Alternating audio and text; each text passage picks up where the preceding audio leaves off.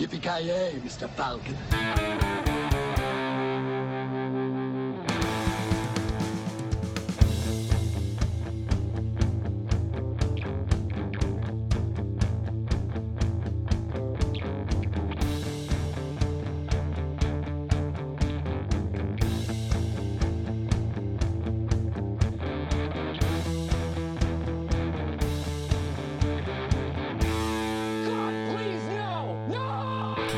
Jajamensan gott folk, hjärtligt välkomna till ännu ett avsnitt av Filmsmakarna.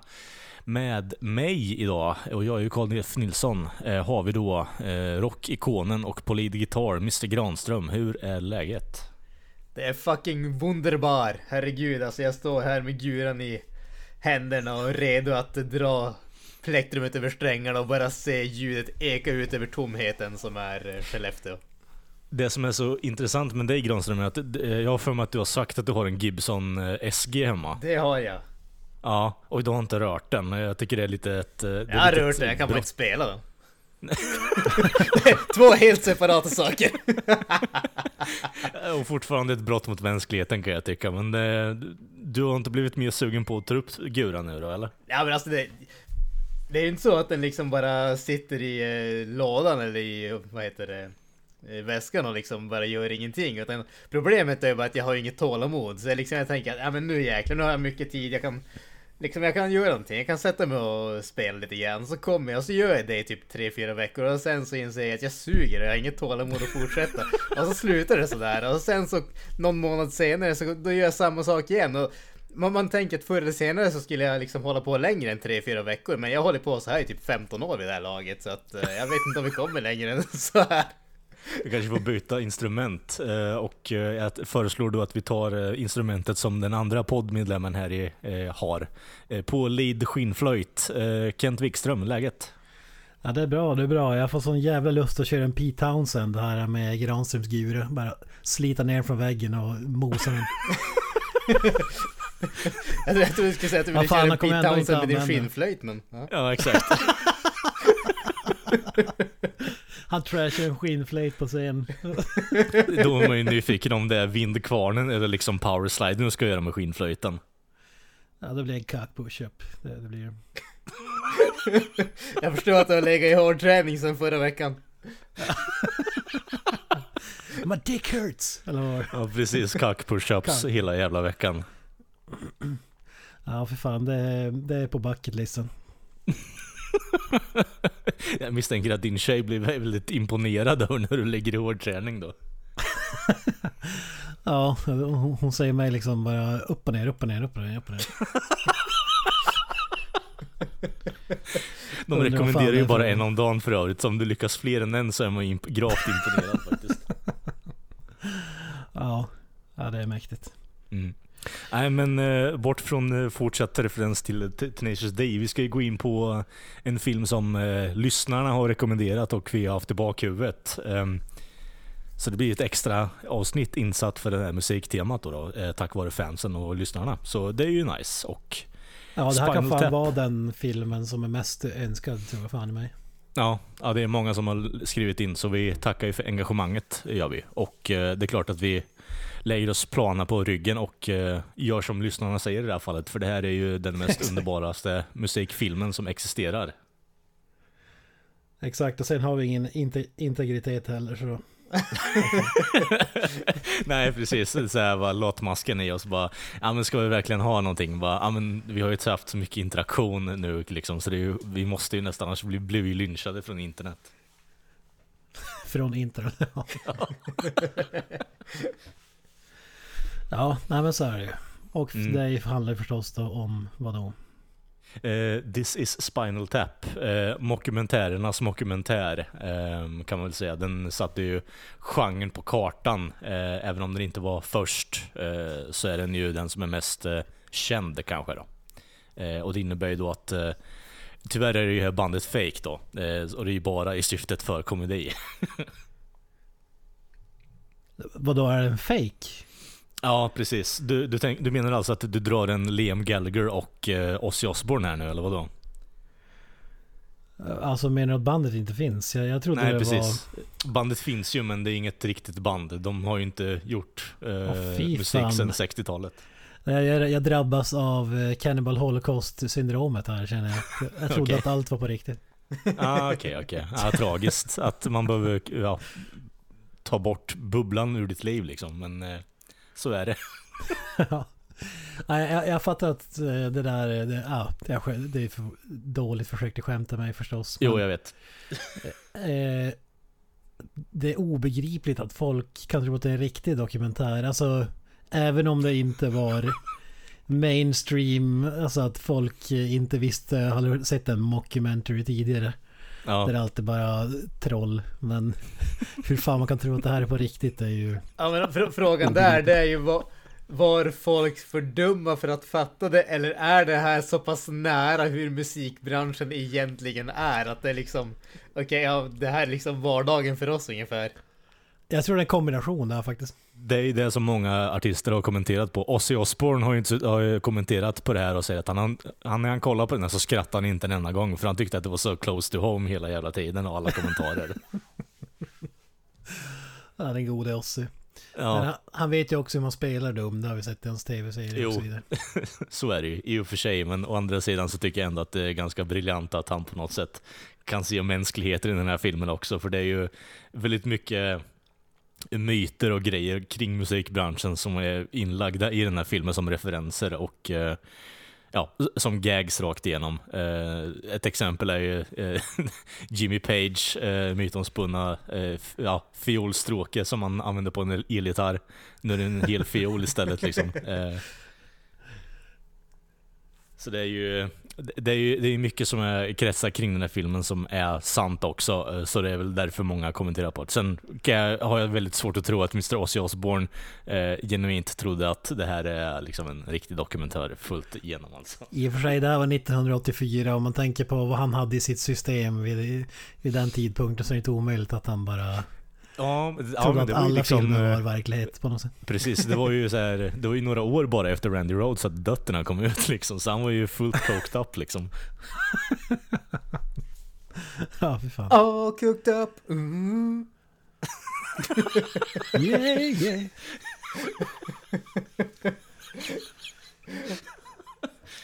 We're going off the rails on a cocaine train.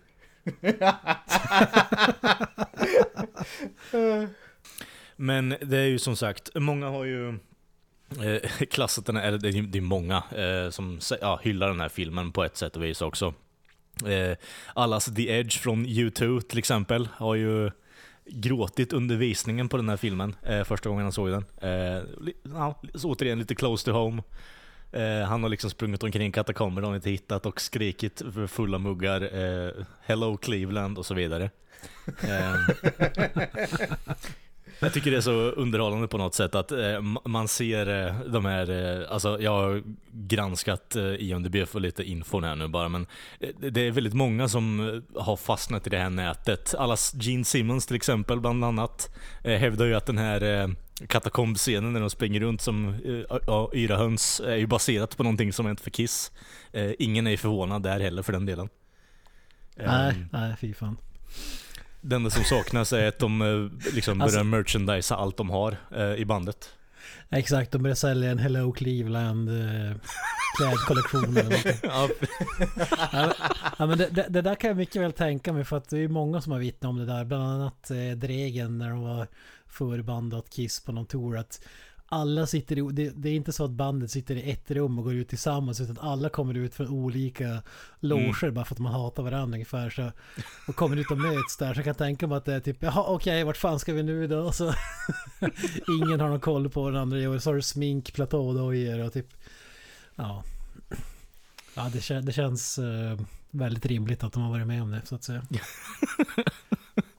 är det något annat du känner är rimligt att det det där skulle ha kunnat hänt på riktigt? Ja, Ghost to Eleven det är så här Lars Ulrich kan jag tänka mig. Han är lite så här, han- har ändå musikaliskt arrangemang i bakhuvudet men eh, överlag är han ganska pantad menar du? Det, är det där du vill få fram eller? Absolut, absolut. Okej, okej. Ja men han har den lite charmen. Jag, jag kan eh, beskriva den titeln på eh, Kirk Hammett lite också. Eh, underbar människa säkert men ja, eh, det slinter lite när han tänker kanske. Ja, alltså, på tal om Kirk Hammett så var av en slump så var det klipp tidigare idag när klippet heter någonting i stil med att eh, Kirk Hammett uh, defends uh, Saint Anger while high as a kike eller någonting. Jävligt uh, starka argument han hade där. Var- Varför att Saint Anger inte var ett skitalbum. Ja, det, är Ja. en personlig favorit man säga. Man gillar ju Lars Ulrich också bara för att han är den han är. Alltså att han, han så här megalonomi, ego, att han vet allt, kan allt och så kan han minst av alla. Han är typ Ringo Starr, fast i Metallica ungefär. Ja, Fast Ringo Starr har, har ju inte det egot. Han är ju medveten om att han är... det- Alltså, det, It's not even the best drummer in the Beatles! Exakt, exakt. Jag tänkte precis säga det. att Det, det mest underbara citatet som Paul eh, McCartney och... Eh, eh, fan heter han då? Eh, John Lennon. John Lennon eh, producerade var ju liksom att... Ja, ja, well, Ringo's not even the best drummer in the band. Nej men det är det e- Gene Simmons ego blandat med Ringo Starr på något sätt. Det är som, det, det älskar Gene. Simmons ego blandat med Ringo Starrs talang. Exakt, det är det jag vill få sagt.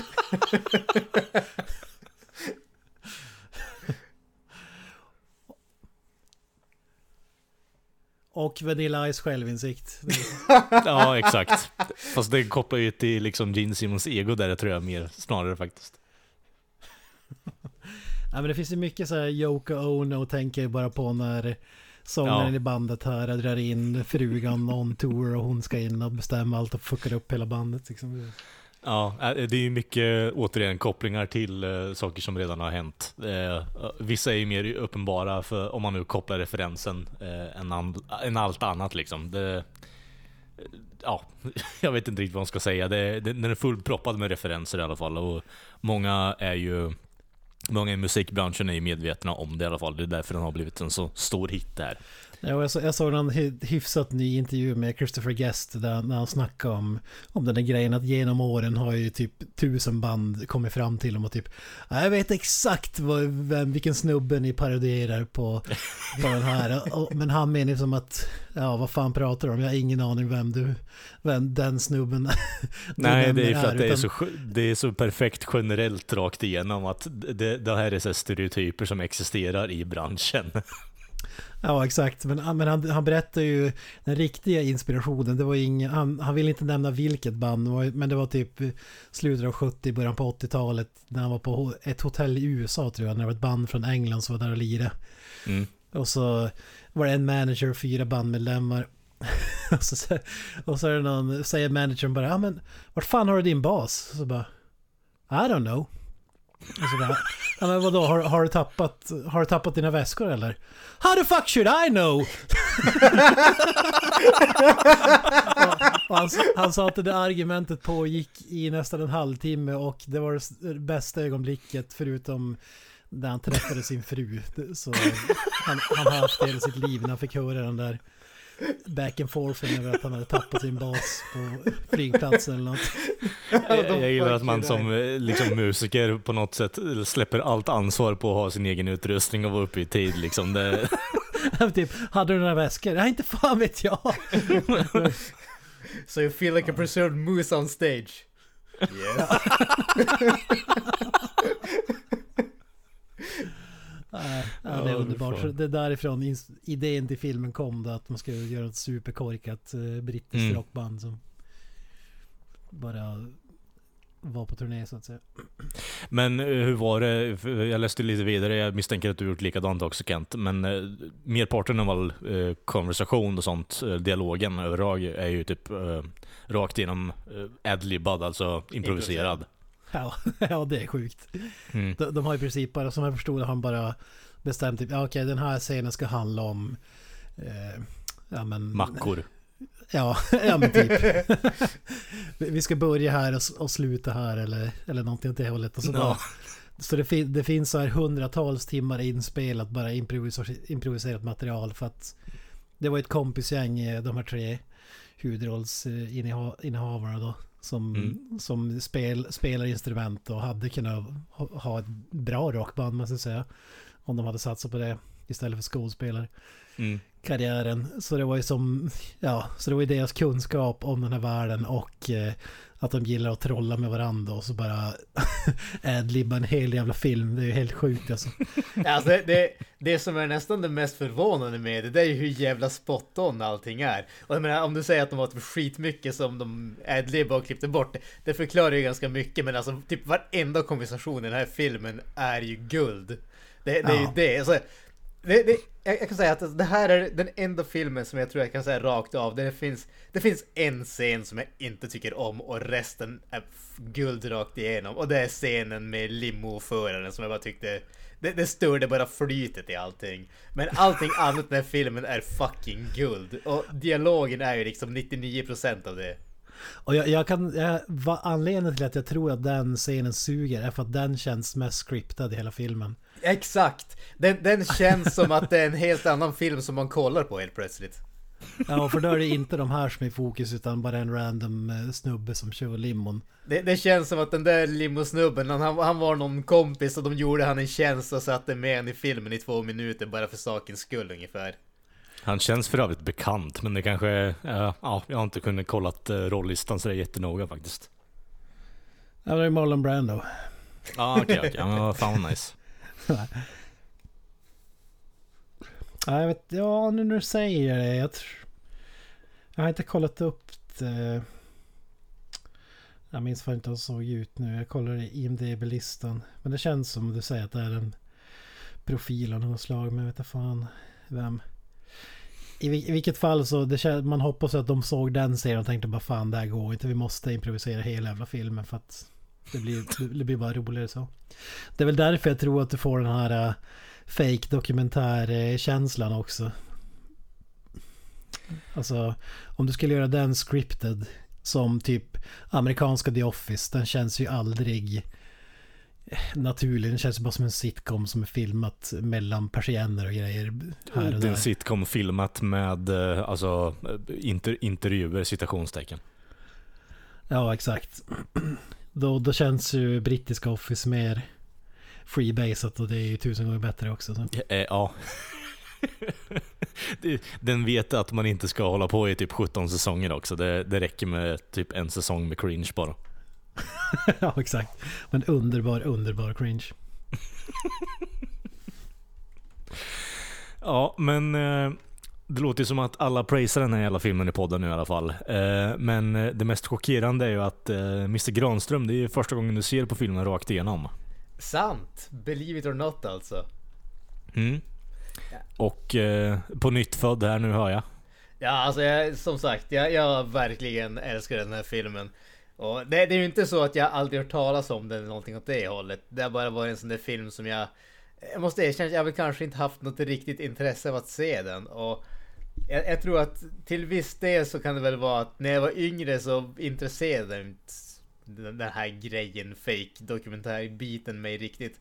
Och jag tror att till viss del är det också faktiskt, tror jag, till eh, kanske lite grann på grund av förra veckans film, även om jag inte var med i avsnittet så har jag ju sett den tidigare, Så, eh, Pick of Destiny. Och jag, jag tror att, eh, för när jag såg den, jag tyckte inte att det var någon fantastisk film. Jag tycker att den är helt okej och det är ungefär där jag ligger idag. Jag tycker att den är lite bättre idag än vad jag gjorde då. Men jag tycker inte att den är något fantastiskt. Men jag tror att just den här grejen med att det är en fake dokument... Det, det är en fake dokumentär om ett fake band. Och jag tror att jag på något sätt hade fått för mig att okej, Spinal, Spinal Tap är typ Tenacious D fast från 80-talet ungefär. Vilket är ju typ så långt ifrån det som man kan komma. Men, men jag tror att jag hade fått den där kopplingen och det är det som gjort att jag kanske aldrig riktigt har brytt mig om att, eh, om att söka upp filmen. Trots att den egentligen passar mig som hand i handske i stort sett. Mm, mm. Ja men det är alltid kul att på något sätt få... eh, Det är lite grejen med den här podden, att man kommer in på spår man har varit sugen på men inte riktigt tagit grejen och nu blir man mer eller mindre tvingad in i det här och får prata om det också. Absolut, absolut. Och jag måste säga att jag är fan taggad på att prata om den här filmen alltså. Det, det är så mycket underbart i den här filmen. Ja, det är ju svårt att beskriva det också egentligen men eh, samtidigt så det här är ju en så pass stor jävla kultklassiker. Den, eh, ja, den den är ju återigen mytomspunnen i musikvärlden. Folk känner till den utanför, eh, bygger upp en genre eh, i stort sett, eller gör den mer känd än vad den någonsin har varit. Eh, mockumentaries alltså. Så den, den har ju några accolades under bältet. Men eh, Kent då, det är typ 17 gången du ser den här nu eller? Ja men typ. Däremot var det jävligt länge sedan sist så det var Mm. kul att se den. Jag kommer inte ihåg alla scener men jag är på Granströms linje där att det finns ju som bara en, en eller två scener som drar ner betyget annars är det guld rakt igenom i princip. Mm, mm. Ä- Ändå, jag vet inte, rewatch value kanske inte är superhögt på den här filmen men första gången man ser den är den ju sjukt jävla rolig tycker jag. Jag tog ju det med Granström innan vi började spela in här nu och ja, säga att det är fortfarande en bra film efter att man har sett den typ 10-20 gånger vad fan det är man är inne på nu. Men alltså man, man kan ju aldrig ta bort den här initiella reaktionen första gången man ser den. Det är klart att du kan glömma bort vissa grejer men det här är ju en så pass underbar film så att du kommer ju komma ihåg eh, eh, alltså key pointsen rakt igenom oavsett om det är typ 10 år sedan du såg den. Så eh, första gången du ser den är ju speciell. Ja, det, det som är lite trist är att det är många scener som har blivit bara en meme så här som förstörs lite av det att Mm. det Goes to Eleven och så vidare. Den är ju fantastisk men den är ju lite översaturerad vid det här laget Jo, kanske. så är det ju. Det, internet har ju inte gjort den här filmen några, några gentjänster direkt säger vi. Nej, nej. Jag tror inte att jag har pausat en film så många gånger som jag pausar den här filmen. Och det är inte för att jag var tvungen att göra någonting annat än att skra- gapskratta och sen gå, gå tillbaka och spela det som jag missade. Alltså jag, de- den här filmen är verkligen full av sådana där riktiga gapskratt för mig alltså. Jävlar i mig.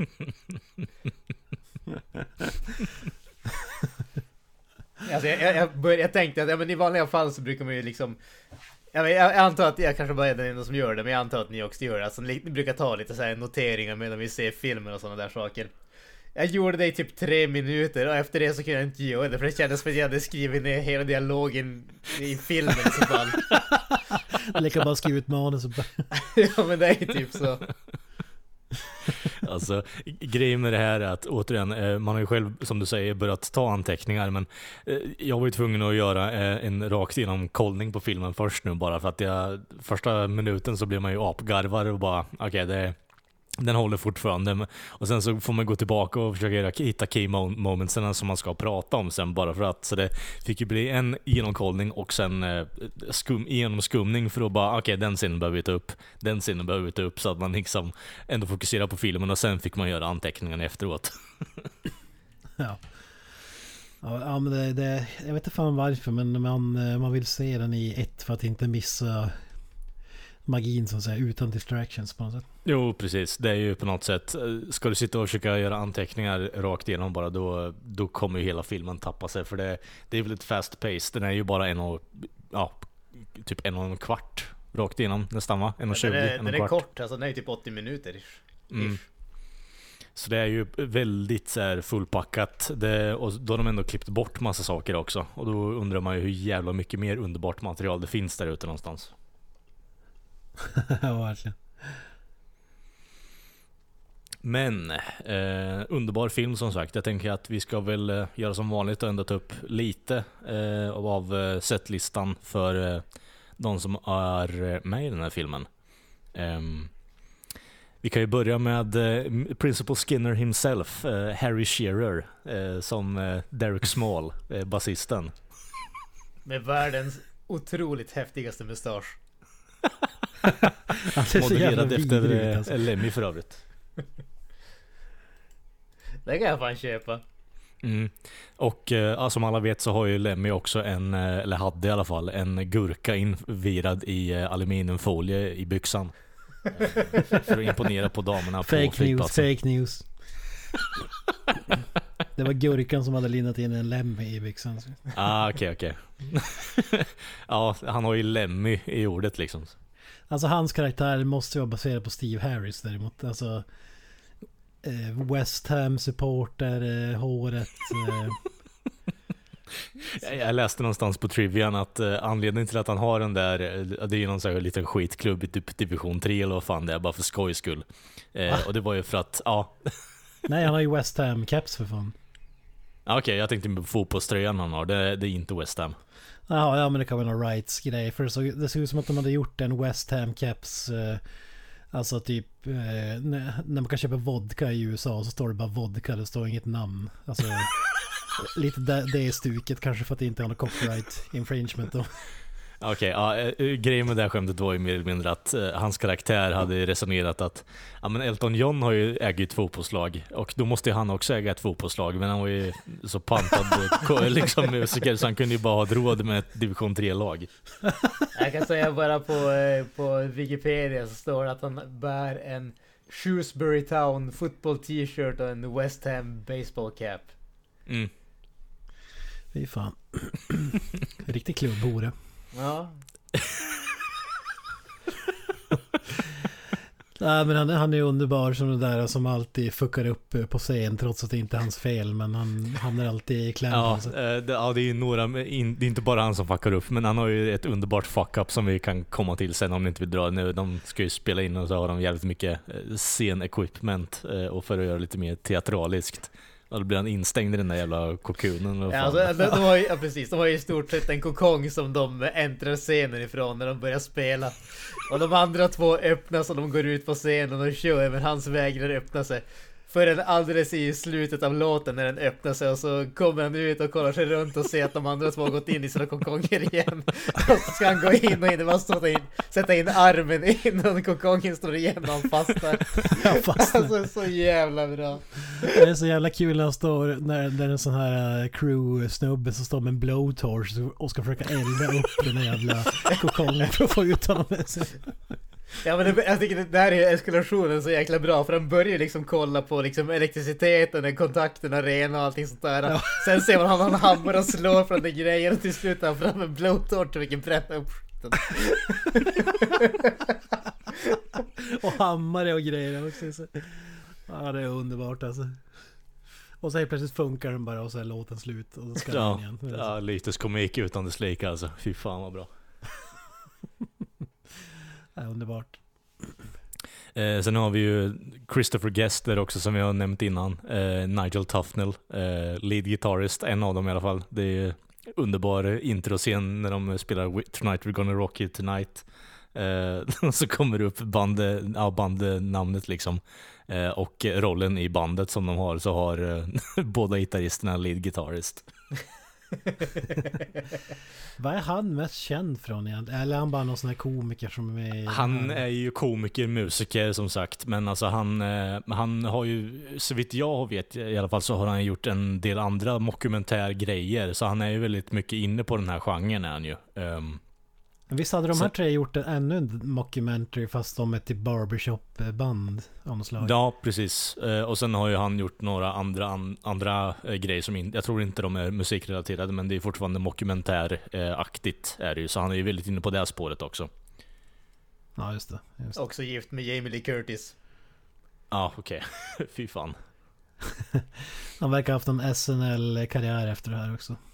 Ja okej, okej. Han kanske har varit skrivare förut då. Men eh, annat än det så har han varit ganska mycket under radarn sådär. Ehm, Fy det är väl han mest han med härifrån. De- Death Wish, var han med.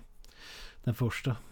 fy fan. Eh, Det, det är fan på CVt. Nej, massa tv-serier och tv-filmer och några riktiga filmer så att säga. mm, men inget så här som något att hänga i en gran kanske bortsett från det här. Däremot Michael eh, McKean har ju mycket hänga i julgranen måste jag säga. Ja, alltså det är ganska imponerande och ändå starta en karriär inom eh, eh, law practices efter att ha varit ett eh, cockrock-band liksom. Det är ganska snyggt gjort där ändå. ja, man hoppas att de två serierna mergar ihop på något sätt. Ja, alltså man vet ju ändå att eh, han fick ju äta skit eh, efter att eh, de lät eh, den andra trummisen spontaneously combust liksom, så brände han ju inne i sitt eget hem istället. Men så här, Better Call Saul är en prequel till... Eh, vad, vad, fan heter den? Spinal Tap. Ja, men Spinal Tap är en prequel till Better Call Saul som är en prequel till... Eh, vad fan heter det? Breaking, Breaking Bad. Bad. Breaking Bad. Det hade varit underbart att se David Saint Hubbard eh, liksom practice law och byta namn bara. För. Spinal Tarp Cinematic Universe.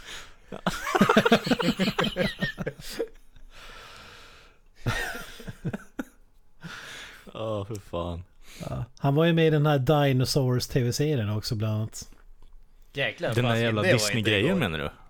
Ja men den här, det var ju typ eh, familjen Flinta fast live action med, med gummidräkt, dinosauriefigurer.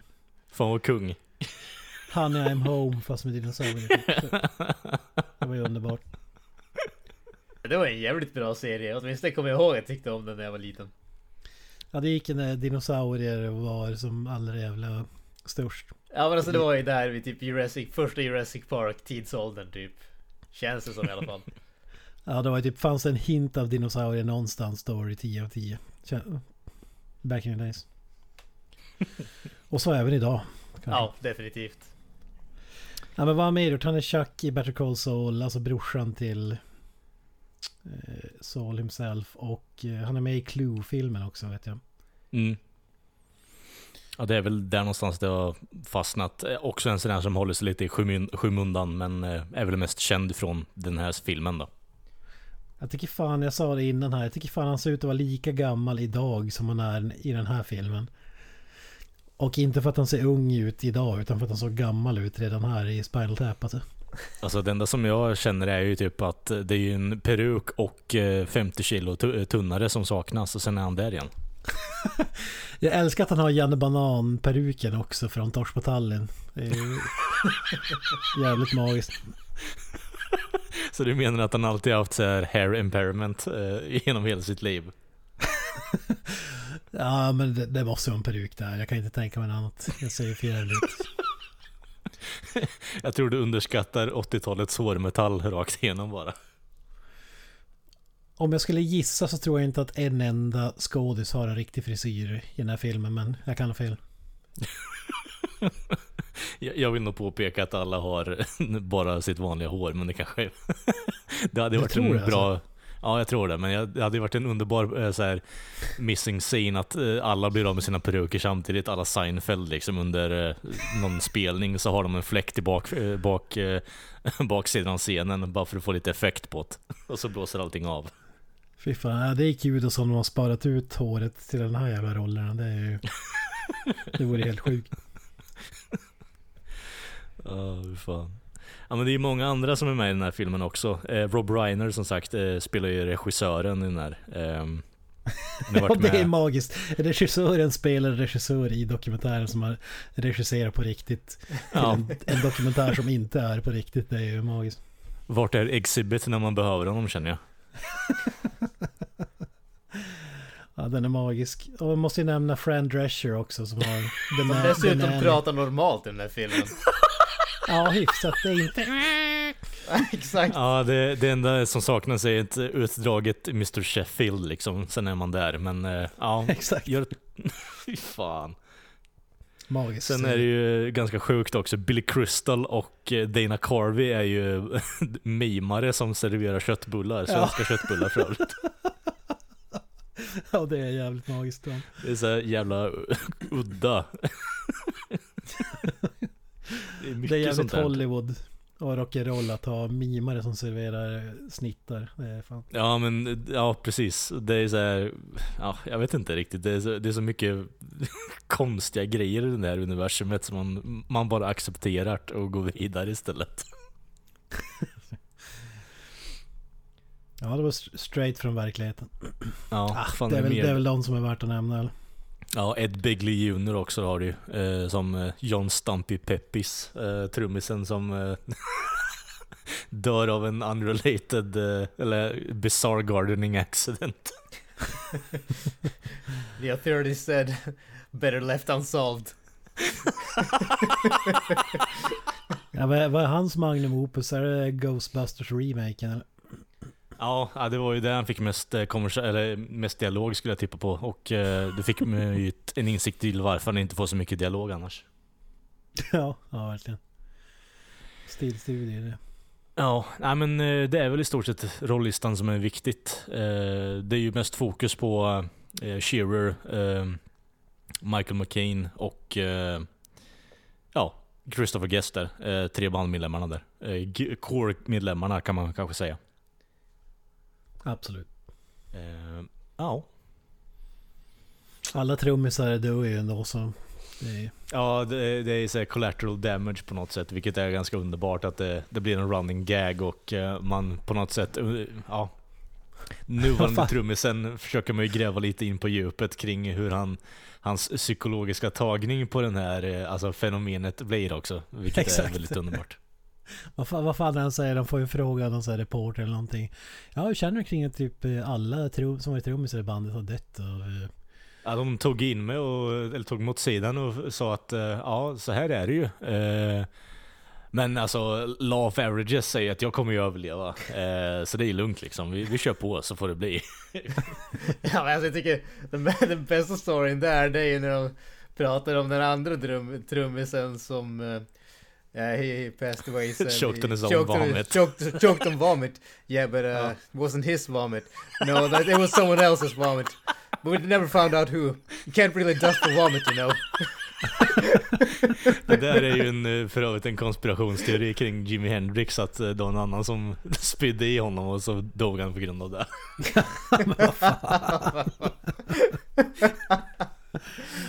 han kör en sån här eh, som fåglar matar sina... Ja Barn. precis, Så bara, "Ja, men här, ta 15 hits med LSD eh, Jimmy och så vänta jag ska bara kräkas upp den här äggmackan liksom. Ja, fy fan. Inte för att jag våndas eh, och dra filmen på tre minuter, men det är väl dags, eller vad säger ni? Och jag tycker. Mm. Yes, jag ska dra fram klockan. Är du redo? Eh, så redo som jag kan bli. Är man någonsin verkligen redo för en sån här sak? Nej. Nej, det är man inte. Tre, två, ett, go. Ja, filmen eh, eh, utspelar sig då under den här bandet Spinal Taps eh, turné över USA för att promota sitt nya, eh, sitt nya album Smell the Glove som eh, innehåller väldigt sexistiska budskap på albumcoveret. Som de även får skit för. Eh, och det här leder ju till då att eh, hela turnén går ju käpprätt åt helvete genom hela filmen. Men det anspelar sig då på att eh, det här är ju då Marty McBurgey, eller vad fan han heter. Hans regissörsdebut kring att han ska följa det här bandet, för han har följt det här bandet sedan 60-talet och går då in på vad de har gjort och deras accomplishments följt av den här spiralen down the drain då, då, som det här bandet inser någonstans att de är washed up losers. Och eh, det får man ju då till sig genom att visa på att eh, Dels eh, så är det ja, dwindling viewerships, inställda spelningar, mackor som inte kan vikas på mitten, gitarrsamlingar som håller sustain utan dess like och att deras högtalare eller speakers eller amplifications, deras amps, går upp till 11. Eh, de har då även en eh, psykotisk manager i Ian som har ett cricket-slagträ eh, för att hålla dem i skick och schack. De vanhedrar Elvis i den här filmen genom att sjunga off-key på hans gravplats, Heartbreak Hotel. Yoko Ono träder in på den här cateringen också och rör runt i det här bandet, bland annat på den här turnén. Och introducerar då att de ska bli mer som ja, eh, en offshoot på eh, Led Zeppelin. Men istället för att bara ha de här Zodiac signsen så blir det liksom att de ska klä ut sig till eh, Space Aliens. Varpå alla skrattar åt henne för att de inte kan eh, Dolby eh, markeringen på ljudintegrering. Um, ehm, vad fan ska man förklara den där filmen som egentligen? Är? Ehm, ja. Eh, det blir ju troubles in the band så att säga i och med att Yoko Ono kommer ju då in som sagt. Och eh, det resulterar ju till då att eh, eh, efter alla mishap som händer så får ju då Nigel Tufnell nog, eh, bandets eh, andra leadgitarrist, eh, nog och slutar tillsammans med managern eh, i och med att Yoko Ono då har tagit 30 över en, en ledarroll. Eh, men det slutar då med att bandet egentligen blir en jazz, eh, jazzkvartett eh, av någon jävla anledning och spelar den enda jazzkvartettlåten de har i, eh, och gör det om då sin set till en 10 minuters spelning. Nigel eh, åter kopplar med bandet och inser då att ah, men de är skitstora i Japan, åker dit och får en ny tappning på sin karriär. Och därefter får vi då guldögonblicket i Tonight We're Gonna Rock You Tonight. Ja, väl tajmat där. Ja, mycket bra, mycket bra. Eh, katastrofsammanfattning, men eh, den här filmen är ju lite, vad ska man säga, den, den är lite all over the place. Ja men Eh, alltså den, den har, ju- har ju inte egentligen en genomgående handling som så. Alltså det är ju... Det, det, det är ju en dokumentär som handlar om ett band och deras turné. Det är ju inte så mycket mer handling. Sen är ju resten bara jabs åt eh, musikindustrin och musi, musiker i stort och sådär. Alltså att allting som händer runt om. Den är ju som sagt en roligare variant av eh, Some Kind of Monster, kan man ju dra, hårdra den till. Eh, Ja, just det. En- En modernare mockumentary, rock mockumentary. Så jag kan ju förstå varför Metallica på något sätt tog eh, till sig och gjorde The Black Album eh, i och med den här filmen då. Ja, ja, det är mäktigt. De... Anledningen till att de körde Black Album eh, och kallade det för Black Album var ju en hyllning till en scen i den här filmen. Där de It's körde like, deras How much more black can it be? And the answer The is answer is none. none. None more black. Black is death and death sells.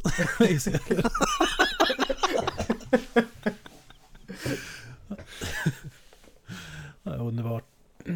En sak jag undrar på, vad tror ni om man inte är rockfantast eller rockintresserad överhuvudtaget, skulle man tycka att den här filmen är rolig ändå? Alltså, nah, det, det, jag kan tycka att det är väldigt snävt vissa stunder alltså. Det, det, samtidigt så kan man ju, det är mycket spel på karaktärerna, att de är lite, alltså, zany, de är lite out there. De är, beter sig väldigt udda åt eh, stund, alltså väldigt många gångerna i den här filmen. Så därigenom kommer det jävligt mycket komedi, men sen så får man ju extra lagret över att okej, jag, jag vet vad de pratar om, jag har ett tum om det. Och det här är bara bullshit. Alltså jag, jag tror, på, på något sätt kan jag väl känna att man behöver kanske inte vara rockintresserad specifikt, men jag tror definitivt intresserad av musik. Och kanske, kanske hur, om man säger livespelningar och turnéer fungerade, speciellt back in the day så att säga. Ja, jag tror att eh, är du 15 år idag och det enda du lyssnar på är liksom elektronisk musik, då kanske du inte har så mycket att hämta här. Det liksom kopplar inte på så sätt. Men, men ha, har du lite intresse av de bitarna tror jag ändå att det finns mycket att hämta här. Även om absolut, det är mycket som är rockspecifikt som kommer att uh, falla på sidan av. Men jag tror ändå att du skulle tycka att filmen är bra i alla fall. Ja, det känns som att man måste nästan ha koll på de här mytologiserade stereotyp-grejerna eh, som band råkar ut för eller brottas med så att säga. Men, men eh, det är som du säger, men det kanske inte är specifikt att man måste vara rockfantast men lite så här musikintresserad i alla fall för att kunna fatta grejen. Det blir ju som sagt, du får ju lite mer ut av den här filmen om du är intresserad av det du kollar på. Eh, Det säger sig lite självt kan jag tycka, men det, Mm. det vet man ju inte i dagens läge hur folk resonerar. Så. Men jag tycker nog att det blir en bättre visning om man tycker om ämnet. Ja, för att det, det är ju inte så att det krävs att du rabblar, upp- kan rabbla upp alla medlemmar i Black Sabbath för att kunna filmen är bra. Det är ju det som är, som är lite kluven där. Men jag, jag tror fan det skulle vara roligt även om man inte är rockfanatiker så att säga. Det är ju mycket som bygger på att eh, det är en främmande värld och på något sätt så blir det lite, vad kan man säga då? Att, eh, som en vanlig person kanske man inte tänker att ja, men det är klart att det kan vika ihop den här, eh, alltså pricka korven på den här mackan. Alltså det funkar ju för mig. Det, det är, inga, det är helt okej liksom. Det, det där egot, att man blir lite så här bortkopplad från verkligheten och man tycker att det blir så här absurdum komedi istället. Så det, det, ja, ja, det är klart att det funkar. Men det är lite som, det är lite kul det där när man tänker man, om man säger typ Dr. Bombay, man tänker att han är en gud som bara han, han gör allting rätt, han är superstar, han får allt serverat och så vidare. Fast egentligen så är det förmodligen som den här filmen, att de brottas med problem som vanliga människor har och inte musikgudar som man tror att... Ja, men jag tror, ja, men det, det, som jag, det som jag ändå kan tycka att den här filmen visar, även om de givetvis gör narr av det i den här filmen också. Men det är ju det där att när de står på, ste, på scen så, och publiken tycker om dem, då är de de där rockgudarna. Men all den andra tiden så ser man att där de bara de här snubbarna som knappt vet höger från vänster inte har någon aning om hur världen fungerar eller någonting åt det hållet. Och jag kan, jag kan ändå tänka mig att just det finns det ändå ganska mycket sanning i därför att många band, jag kan tänka mig speciellt kanske band som är yngre, alltså personer som är yngre och inte har kanske så mycket livserfarenhet, du vet. Du, du får chansen att åka på turné, du hoppar in i någon sån där skiten jävla van eller någonting åt det hållet. Och så reser du runt och måste käka liksom fast food i bästa fall och så spelar du liksom halvtimme, 45 minuters set och då får du vara guden som står uppe på scenen och sen resten av tiden där liksom spenderat med dina bästa kompisar som efter två veckor så hatar du dem och vill aldrig se dem igen men du är tvungen att liksom stick it out i tre månader bara för att annars kommer du inte ha några pengar kvar ungefär. det här är en bra beskrivning. Sammanfattning av läget så att säga. Känner jag i alla fall. Sen det kan jag helt fel men jag tror att det finns no någon sanning tror jag ändå att jag har där faktiskt. Jo, men definitivt. Däremot hade man ju, jag tror nog fan att jag hade velat se mer av de här lite interaktionerna bakom kulisserna, även om det blir jävligt mycket också. Men det är ju, jag tycker nog ändå att det som sticker ut mest är ju de här intervjusegmenten, men man hade ju velat sitta, alltså sitta och kolla på dem när de interagerar med omvärlden, på en diner till exempel. Att, eh, ja, jag skulle vilja ha kaffe bara. Ja, Okej, okay, ja, jättebra kommer ut med en kopp kaffe och bara men det här är ingen mjölk i den här liksom. Alltså sådana små petty skit bara liksom. Som, det, det The bread is too small. Ja, precis. Exakt. Jag kan inte vika brödet över salamin. Just fold the salami liksom. Ja men vik salami. Nej men det går inte. Det går. ja men bara vik salamin. Ja men om jag måste vika brödet så går brödet sönder. Jag tycker det, det bästa är den där scenen avslutar sig med Just, it's not a big deal. It's okay. I'm not thinking big deal out of it. I'm a professional. Ja, I'll, I'll rise above it. ja, det är fan. Den är enkel men det är en av de bästa scenerna i filmen tycker jag. Det är så jävla kul. Bara hur ja. han viker brödet om och om igen. Bara så att kras, krasar sönder. You have to keep folding. It doesn't work. Och så att manager i princip är att vara babysitter åt uh, idioter. Ja, det, det, är så underbart också för uh, Tony Hedger som spelar uh, managern. Man ser ju på honom att han är på att cracka vissa gånger i den scenen i alla fall. Alltså det, det är så underbart för han börjar ju liksom bara I mean just, just fold the salami, It, it's okay but, but then you have to keep folding but no you don't but. och sen efter att han inser att han håller på att prata med typ en treåring så bara ah, Well, yeah, okay you're right but you need bigger bread for this. Oh, thank you, thank you. jag tycker, när vi är inne på managern, tycker jag är så jävla bra. Vi, vi kommer till den scenen sen, men när han beställer en scenprop och så är det helt... Och så blir det, blir det helt fel och så skäller han ut människan som har tillverkat serieproposition. Är du helt dum i huvudet? Det kommer se för jävligt ut. Och så, men de vet att han måste presentera för bandet och när han presenterar för bandet så säger han bara Ja men vad fan håll käften, jag gör bara mitt jobb. Det här var de instruktioner jag fick, det är ingenting fel på det ja, ja, exakt. Jag är här för att göra som ni vill. Det är inte mitt fel att Nigel inte kan skilja på 18 tum eller 18 fot.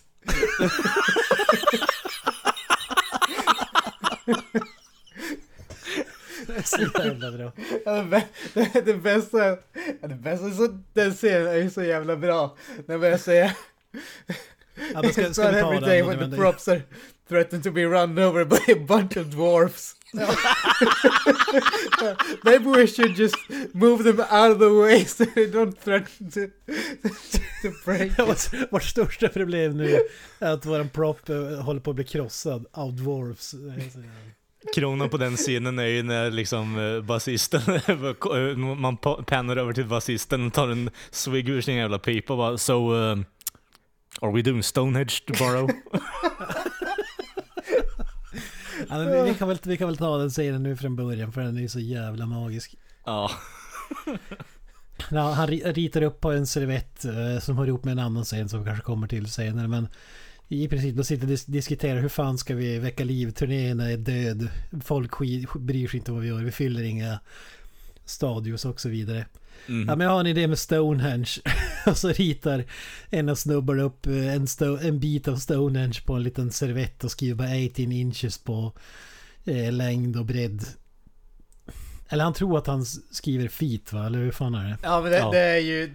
De, de har ju inches markeringen, alltså två, de där två vertikala strecken. Har du en sån så är det ju fot, har du två så är det inches. Ja just Han, det. han gör ju två så det är ju inches han har liksom skrivit på pappret. Ja, och så lämnar de över till en sån här props eh, kvinna som kommer tillbaka med en liten modell som, ja vad ska man säga, stor som en laptop utfälld typ. Alltså, This is great, uh, great for concept. ja, when, when will you make the, the full size eh, piece? Alltså bara, vad, vad menar du? Vad, vad fan pratar du om? Ja men, ja men vart är den riktiga? Det, för den här är ju typ som två colaflaskor stor. alltså bara, ja men vad fan det var ju de instruktioner jag fick och så viker den ut servetten och så står det 18 inches. och det är då han skäller ut henne typ. Är du helt jävla dum i huvudet? Och, men de har inte tid att fixa en ny. Utan det är det där de har fått. Eh, ja, ja men det är fan en bra storleksbeskrivning. Tre, två kolaflaskor stående och en liggande över. Så- Så stor är den här proppen. och, så, och så kommer han till bandet och så presenterar han bara... Ja, vänta, du, du, du missar ju hela, du missar hela guldgrejen här. Det är ju att bandet vet ju inte om det. Och så Nej. står de och spelar på scen. Och så Just kommer den där mi, mi, miniatyren kommer ner och så kommer två stycken utklädda dvärgar som dansar runt. Och de är tre gånger så långa som det här monumentet är högt liksom. Och sen bandet kollar på den här saken. Vad i helvete är det här? De förväntar sig en gigantisk Stonehenge-propp ska komma ner från skyn. Men så får de de två colaflaskorna. Det är så jävla bra. Och då, och då är det ju mötet efteråt när de hånar honom. Som sagt typ, ja vårt största problem var ju om Stonehenge skulle bli krossat av två dwarfs eh, on stage. Let's not make a big deal out of this. If you made a big deal out of it, it wouldn't been a problem. För då är det så jävla bra, för då är det tvärt emot han, efter att ha skällt ut henne, hon som gjorde proppen fel size i två timmar typ så när han då presenterar till bandet så blir han förbannad när de kritiserar honom för att han har släppt igenom det. Typ så. Ja, ja, den är helt fantastisk alltså så, så jävla bra alltså. Äh. Det är faktiskt sant. Alltså det är nästan det roligaste, de har ingen aning hur det kommer, att, att den är miniatyr. Och så kommer det bara ner den där. Gissas ner. Jag, eh, jag, jag vill nästan påpeka att eh, det faktum att eh, det är mandolin som spelas i bakgrunden gör nästan scenen bättre också. Det blir så här ytterst lager av komedi ovanpå det också. Alltså, det, är så, det är så underbart genomtänkt alltså. Och så Ja, när de dansar, när man ser att den trådarna, den bara hänger och slänger för att den är så jävla... Ja precis, så de sparkar på den och kollar på varandra bara men, gå bort från den lite då. ja, ja, men hela den live-biten där tycker jag är underbar. När han börjar med liksom eh, den här kåpan på eller huvan på huvudet och Ja, allting det- sånt där det- liksom. A, long, long time ago there were these people called the druids and they gave us the Stonehenge och hela den biten. Ja, så rockar de ut och sen får vi Stonehenge i miniatyrformat. Linen i början, introt där är också väldigt underskattad när han säger bara No one knew what they were doing. The druids, no one knows what they were doing, but they gave us Stonehenge. Ja, det är för jävla bra säger alltså. Ja, det, är- det, det, det är ju ändå många lager. För att det var, improviserat så är det ju sjukt kul hur det hänger Ja, det är därför jag nästan är villig att säga bullshit på att eh, eh, Alltså allting är improviserat. Jag skulle nog vilja säga att allting som har med scenen att göra är fruktansvärt genomtänkt. Eh, alla dialoger och sånt, 100% i, alltså adlibad faktiskt. Ja men det, det är väl så, typ en, en röd tråd hur, vad det ska göra. Men sen vad exakt som ska sägas får de, riffar de bara fritt. Ja, absolut. typ. Punchline i den här scenen är, ska vi spela Stonehenge nästa helg liksom? Ja, fy fan. Men ska vi hoppa till början då? Ja. eh, the originals. The new originals. The regulars. And the famesmen. Det är så jävla bra för de eh, de, de har ju börjat, kommer ju, det är så underbart, eh, alla band börjar med ett eh, alternativt bandnamn och sen så går man vidare till det som blir slutligen. Men det här är ju en twist med ett band som redan har det här namnet. The Originals, så då blir de The New Originals istället. Men sen så byter ju The Originals namn till The Regulars. det är så... Jag kan inte annat beskriva det än att det här skämtet är så fruktansvärt brittiskt så det är inte sant alltså. Det, det är så jävla torrt. Ja det är torrt, det är brittiskt och det är underbart. Ja, det är det.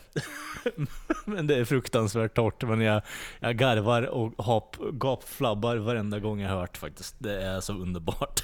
Det är så löjligt. The new original, så jag menar vad fan. Ja. Filmsmakarna. Du klaga inte på mitt namn du bitch. Filmsmakarna är the regulars, eh, motsvarigheten. Ja, precis. Exakt. Ja, give me some money då. Ja, alltså.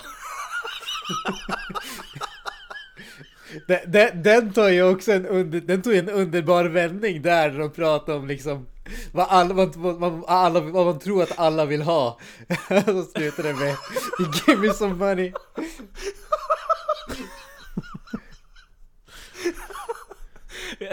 Alltså, jag kan inte understryka hur jävla underbara de här musiksegmenten är. Det är, så här, det är ett one trick pony skämt hela tiden, men det är så jävla strålande. Alltså, du har ett band som heter The Fames Men som har en superhit som heter Gimme Some Money. Alltså. Och det är liksom så här.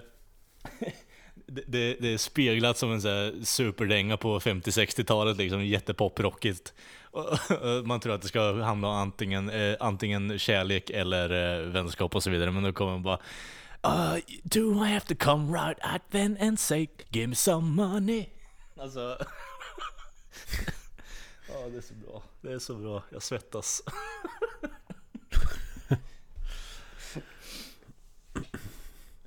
Turnépartyt då? Ja, alltså... Det, det, det är där du får de här jävla mimarna liksom. Det är ju så jävla... Vi- Vilka är det som har partyt? Det är väl skivbolaget? Finns det rätt? det är skivbolaget som ska introducera det här, alltså Spinal Tap till USA-marknaden i stort sett och på något sätt kicka iväg dem. Det är ju det är introt på turnén är det ju. Eh, Efter att man har pratat om att, eh, eller gått in på den här mytomspunna grejen med alla trummisar. Ja, de, de är lovade guld och gröna skogar, kommer dit men får veta att ah, visst, eh, tidigare har ni sålt ut så här 20 000 eh, platser stadium och nu eh, säljer ni inte ens ut 1000 platser. Nej, innebär det att bandet är på undergång? Nej, nej, nej, men det... nej, nej, nej, absolut inte. Det, det, det Vi har bara en mer specialiserad audience typ. Ja, just det. Ja, typ, ja, ja, vi spelar inte på typ State Fairs för att eh, vi, det är ingen vill se oss längre utan vi är mer selektiva när det gäller eh, vilka spelningar vi tar. Det är ju underbart. Ja, våra fans är mer selektiva numera. Och Fran Drescher och The Nanny är någon slags assistent åt skivbolagsgubben. Bossen. Ja, precis. Ehm, jag vet inte, hon, hon har väl typ bara en bra syn och det, är- det är ju när hon beskriver det jävla albumet som de ska promota tycker jag i alla fall. Um. för, för man ser det verkligen inte komma ur hennes mun på något sätt att bara uh, Well you have a woman standing on all fours and there's a man st stretching out his arm and wearing a leather glove and well he's pushing the glove up to her face. And I totally smell the glove. Ni- Nigel bara Well, it wasn't the glove they wanted from, from the start. you should have seen the cover they wanted to do. Ja just det, de, de tycker att det är för sexistiskt för att släppa för att uh, spell the glove betyder väl någonting i stil med att man ska förnedra eller dom, dominate någon. Ja. Det, jag Och tänker att omslaget i sig som de kvinna. beskriver det. En naken kvinna i kedjor som får smäll, bokstavligt talat smell the glove gick ju inte hem hos skivbolagsgubbarna. What's wrong with being sexy? Ja, no, sexist, not sexy. Sexist. Man hör verkligen frustra- frustrationen i managerns röst när han behöver förklara skillnaden på sexig och sexism. Det, det, det, det är så jävla bra. Det, det här det hör ju ihop. Det är egentligen en annan scen men det hör ihop med det här. När de träffar på en annan artist på ett hotell och så Typ, ja, ja men fan hans skivomslag, han fick göra massa nakna... eh, Eller vad fan var det? Var, var det att han själv var naken? Han var ju kedjan? själv var ihop tjej, kedjad. Omgiven av... eh, Han, han blev eh, plågad eller hur det var. Ja, alltså typ, ja men vad, fan, vad fan får han ha naket och eh, dominans på sina skivomslag men inte vi? och så typ, ja men det är för fan, det är, det är han själv som är offret och ni har en kvinna som är eh, utsatt på er bild. Och, och de kan inte fatta skillnaden, så säger de bara ah, clever. Och så bara, ah, är bara typ, det är en tunn linje med att vara clever och eh, stupid. Idioti. det. Ja. There's a fine line between genius and stupidity. Ja, just Att han hade fått sin jävla nakenhet och, och kedjor och grejer men lyckas hitta en genialisk eh, väg ut och få igenom det att han själv är naken på omslaget. Den scenen är också jävligt bra i och med att det blir så här. Åh, tjena tjena, det är du bara. Äh, bort, från, bort från artisten här nu. Liksom. Att det var, vilka, vilka är ni? Vilka är ni nu igen? Ah, okej, okej. Ja, men vi har precis nu sålt, uh, sålt slut en arena här. Åh, ni har sålt sluten, fan vad kul. Ja, jättebra. Vi, vi syns längre ner i vägen. Absolut, jättebra, jättebra. Syns sen. Jävla asshole, fucking jävla dryga kräk liksom. Ja, det, det där hade kunnat vara en själv. Ja, det, precis. det är därför vi klipper så mycket i podden. Ja, det är underbart. Oj, oj, oj. Limoscenen behöver väl inte dra, den är inte så jävla Vi vi- har Nej. redan pratat om det. Eller redan pratat om att vi inte tyckte om det så mycket. Uh, vet du det? Eh, du har ju, dels har du ju när de framträdde Big Bottom, eh, Talk about bum cakes, my girls got 'em. Eh, Är, det, är det den låten där vi får alla crotch shots? ja, eh, alla ass-shots är det ju. De, och det faktum att alla spelar lead bass i den eh, låten, eh, inklusive trummisen till viss Okej, del. jag, jag tänkte på den när vi får skrevbilderna med penis eh, förbättring om vi säger så. Det, det, det, kom, det kom ju direkt efter den där scenen när, eh, när, de, när de blir intervjuade av eh, regissören och han säger liksom Ja en stor andel av eh, era, vad heter det, eran audience liksom unga pojkar och de säger Well it's a, it's a sexual thing. Och sen börjar de liksom prata om varför eh, kvinnor inte tycker om dem. Det är för att de har ju så de har ju så stora organ, it's like an armadillo in our pants and it's, it's frightening really. Och sen nästa gång vi, de klipper de direkt till den där eh, musikscenen och så halva scenen är liksom närbilder på deras skrev med, låt oss säga förlängda egensk- förlängda equipment så att säga. Det var så jävla bra Det kan vara den. Jag, jag, jag kollar inte på det jag skrev om jag ska vara fullt ärlig. Det var ju typ närbilder på dem typ halva tiden det klippet Ja, alltså. jag satt och bara garvade åt musiken, eh, förlåt mig. Du valde musik över skrev, det är Ja, tragiskt tragiskt, jag vet. Förtaskligen. Exakt. Ja, vi kan väl hoppa till eh, albumrecensionerna. Den scenen där... Jag är rätt säker på att alla crackar eh, breakar character men de behåller den då för att det är så jävla kul. on what day did God create Spinal Tap and why couldn't he sleep on that day too?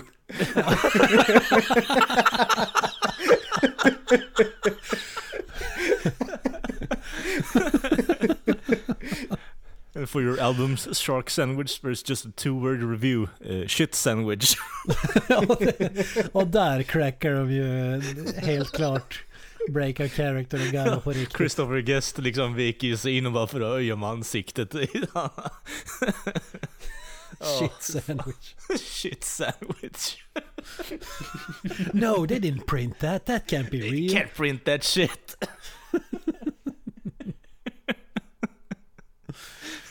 Ja, det, skivomslaget är så jävla mäktigt också. Bara eh, någon slags torr dubbelmacka och så hajfenor Ja. som cirklar, cirkulerar runt där på mackan. Det är magi. Det är så förvånansvärt mycket tanke och det är tid nedlagt på det där också. Det, det tar ju ändå lite jobb att göra sånt där. Ja, det känns inte som att det är 10 000 timmar i Photoshop, men måste jag erkänna. Men Nej nej men det är ju ändå, det, det är ändå kärlek nedlagt på det där. Liksom, även om det är en massa skitalbumcovers bara. ja, jo, jo. Ja, det är mäktigt att ingen har gjort en Shark Sandwich eh. Men jag vet inte, det kanske finns. 100% att någon har gjort den i efterhand faktiskt. Det är en mäktig, mäktig titel på ett album i alla fall. Jag tänker att Definitivt. Mr Granström får damma av sin SG och eh, get to the writing. Ja, alltså jag ska göra det. Shark Sandwich 2. Ja, The Sandwiching. du går liksom Led Zeppelin-hållet liksom. Ja, exakt. Men jag tycker fan man, man får sig känslan fan vad man hade velat vara med i ett band egentligen som är halvstora och så sen sitta och garva åt alla pissrecensioner och komma på såna här grejer. Vad, vad ska vi göra? Ska vi lyfta? Ja men vi kör Stonehenge för att eh, väcka publiken till liv eller vi kör jazz istället. Ja, ja, ja men alla de här scen, scengrejerna. För att We're not doing dem. Jazz Odyssey. Ja.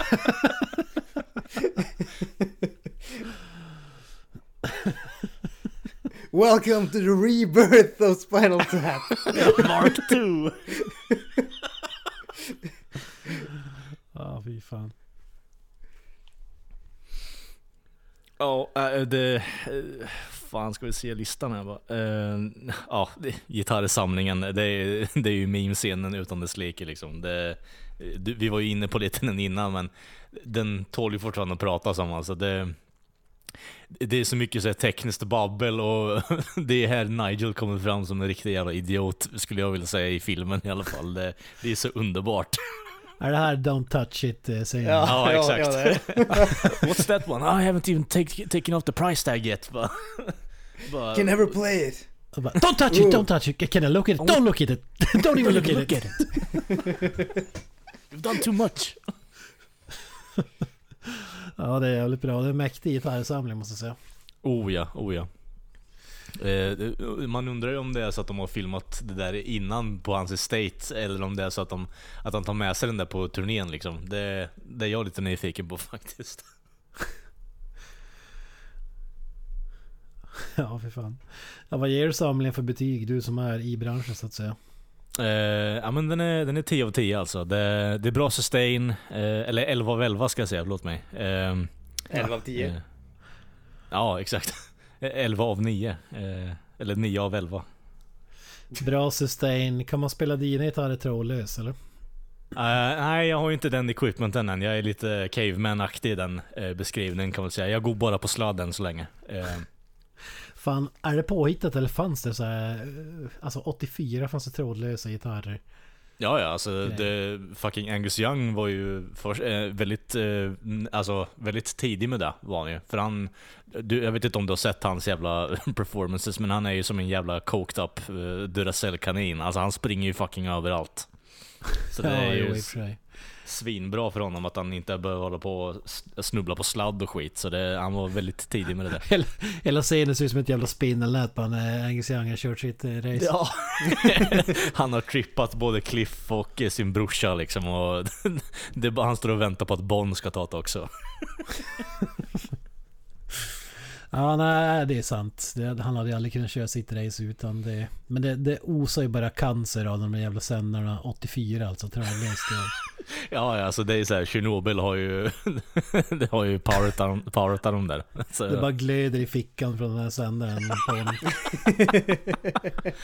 ja, ja, men eh, du som är så mycket för setup och payoff, alltså den, eh, den får ju en setup, setup och, eller ja, det är ju en setup för en payoff. En väldigt underbar payoff också, vill jag nog påpeka. Den där jävla eh, trådlösa eh, mackapären.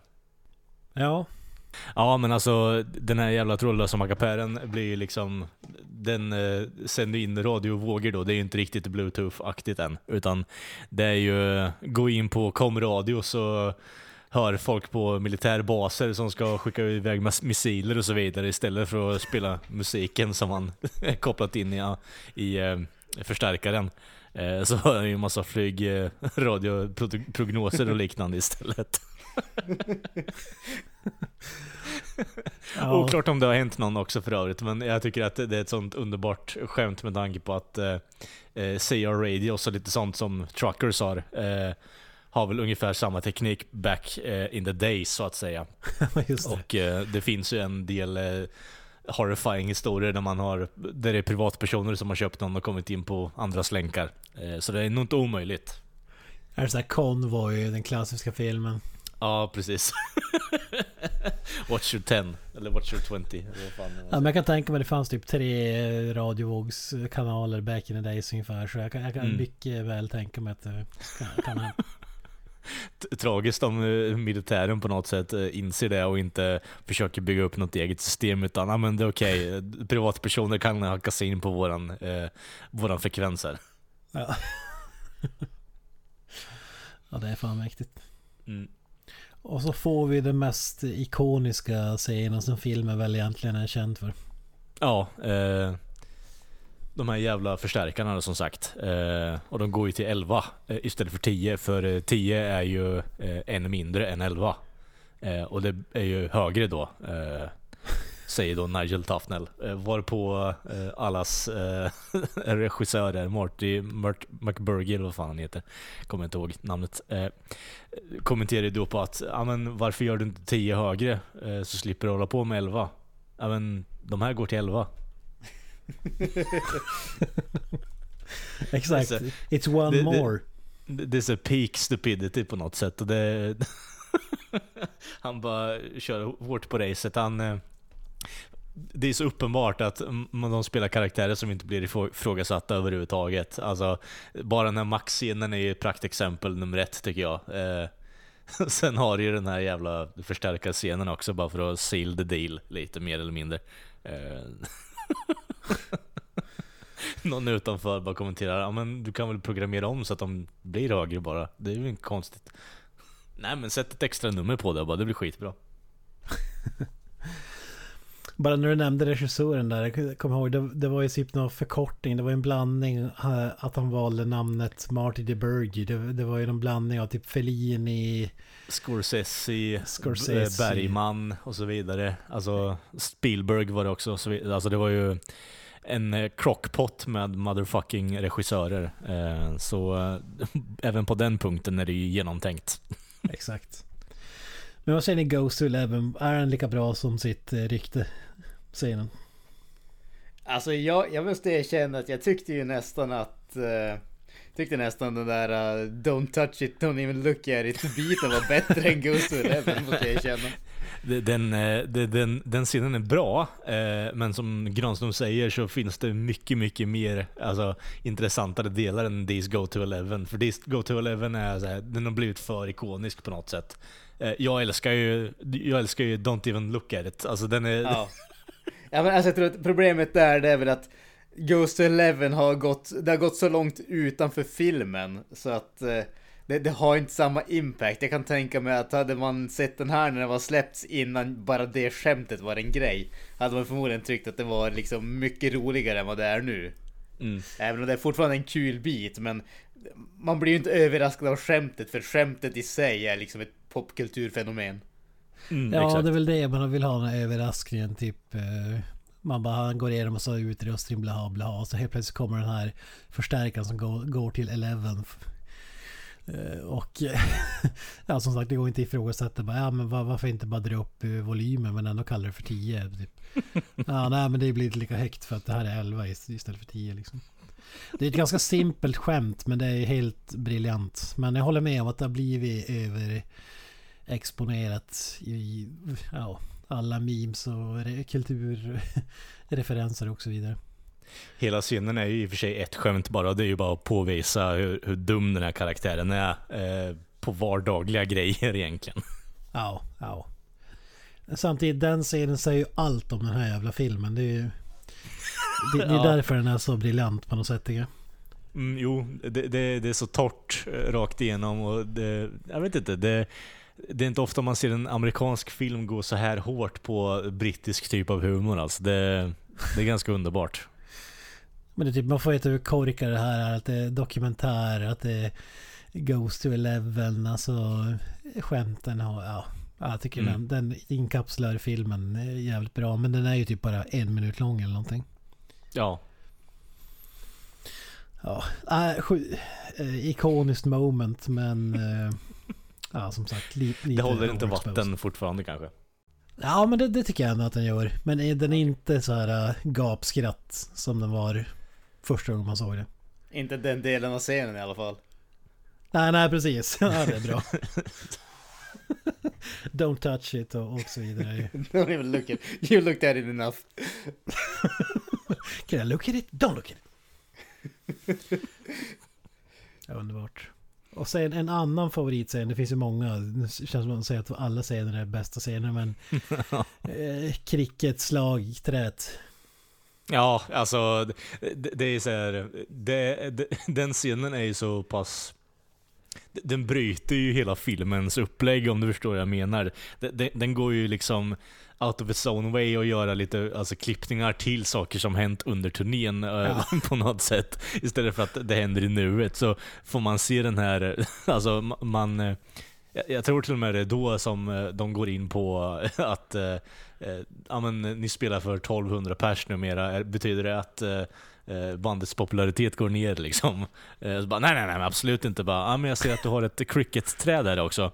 Ja, men alltså i, i, i den här branschen är det bra att ha ett eh, stabilt eh, stycke träd i närheten om man behöver eh, Ja du vet, ta hand om affärerna. Eh, och så ser man när han slår sönder TV-apparater för att hålla bandet i skick. Eh, vrider ner en massa mackor på bordet för att de inte vill lyssna på vad han säger och så vidare. Liksom, ja, exakt, han rensar bara bord med det jävla slagträet. Ja, Men, det, men är, är, det inte, är det inte mer att han säger att det är typ symbolvärde eller att det ska vara något så här högtidligt och så sen klipper de Ja. till det, det är bara att han slår sönder saker för form och lyssna ungefär och spöa spö skiten ur dem när han inte gör som han säger. it has an affectational value. ja exakt. Han bara packar, han har en resväska på hela turneringen och så först han packar upp ett jävla cricket-slagträ. Och det, det ser ju, för den som inte vet, det ser ut som ett platt baseballträ kan man säga. Vi får även följa med bandet till Elvis uh, gravsten. Det, det är ju jävligt mäktigt. Alltså, det,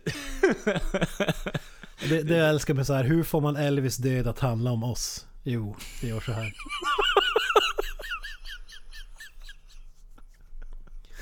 alltså den, den scenen eh, lämnar en liten så här, eh, tråkig eftersmak eh, trots att man sitter och apgarvar för att det är så här fruktansvärt mörk komedi. det, det sjuka med den där, jag kollar i eftertexterna. De, det slutar med att de står och sjunger en Elvis-låt där väl. Mm. Och då står det att de fick använda låten with permission från Ja. Alltså någon jävla godkänt det där och sitter, står det och beter sig som as framför Elvis grav. Eller påstådda grav i alla fall. Jag vet inte om det är riktigt eller inte. Det, det måste vi ändå älska. Det, det är inget så här... eh, vad var det vi snackade om sist? Var det Jimi Hendrix som har Estate som vägrar att han skulle förknippas i en film Ja. med Satan och så vidare. Exakt. Men här bara Elvis Estate, bara äh, pissa på hans grav ungefär.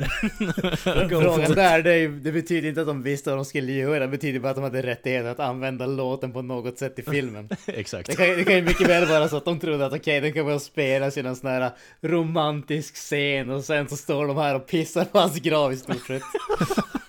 Ja, det är dokumentären, vi följer ett band som sjunger olika låtar. Det skulle behöva tillåtelse att använda. Ja men de ska sjunga stämmer eh, i Graceland eh, på Heartbreak, Heartbreak Hotel, det är okej va? Ja, Absolut, bara en fuckar fin upp hyllning stämmorna. till The King. Så att säga. Ja, fuckar upp stämmorna helt igenom. och scenen avslutas med att, ah well, this is terribly depressing. Ja men det är så jävla kul att stå bara där och typ beundra hans grav och typ De tar ett foto där och eh, att det är så fint och högtidligt och så får ju Är det Gessner det är eh, Okej, är det. Chuck ja Som Ja. får för sig att eh, ja, för att ska sjunga en liten serenad och så stämmer den andra snubben in och ska sjunga stämmor fast han sjunger fel stämmor.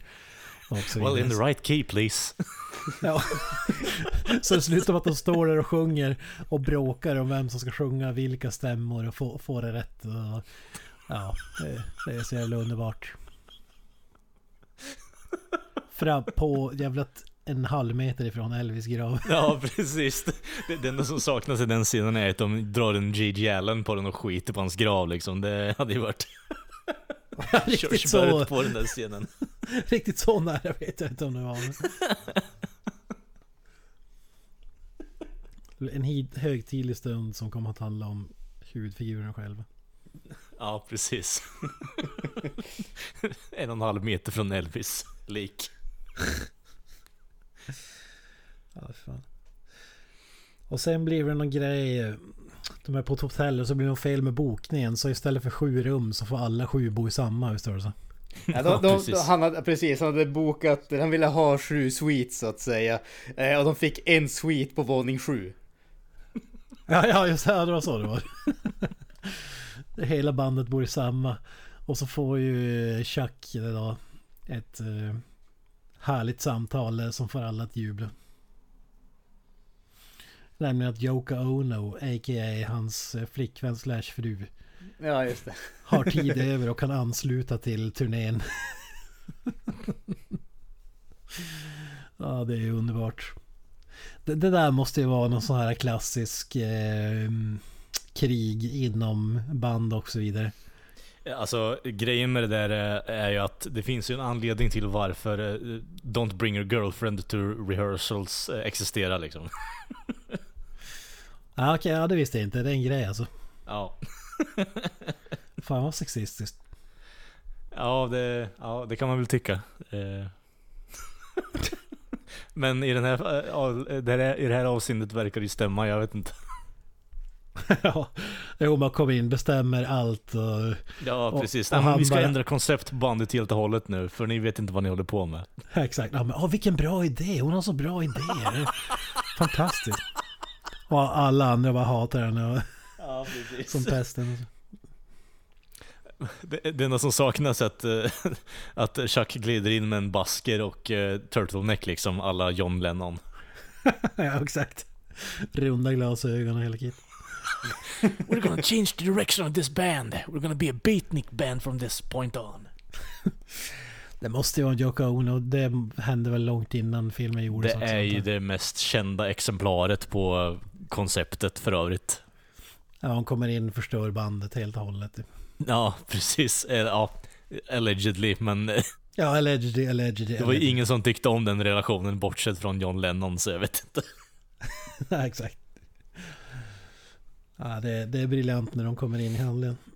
Eh, Fun fact, eh, John Lennon har ju spelat med Frank Zappa vid ett tillfälle eh, efter att han, ja, Beatles upplöstes. Eh, Yoko Ono var ju med på den spelningen och fuckade upp hela den eh, setlistan för övrigt. Mhm. Det var inte Zappa som fuckade upp.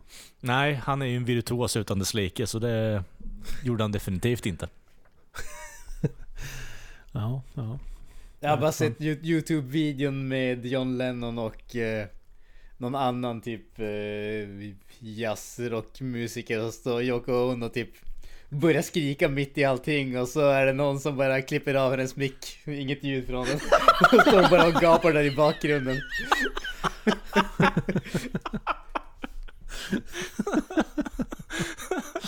Alltså, fatta och vara på den nivån och starfucka sig upp till en karriär alltså och bara stå och skrika framför en mikrofon alltså. Det är nästan så att man inte vill behålla sin position i livet vid det tillfället alltså. Ja, för fan.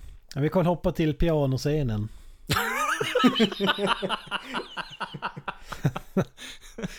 Det, det mest underbara bait and switch-skämtet i världshistorien?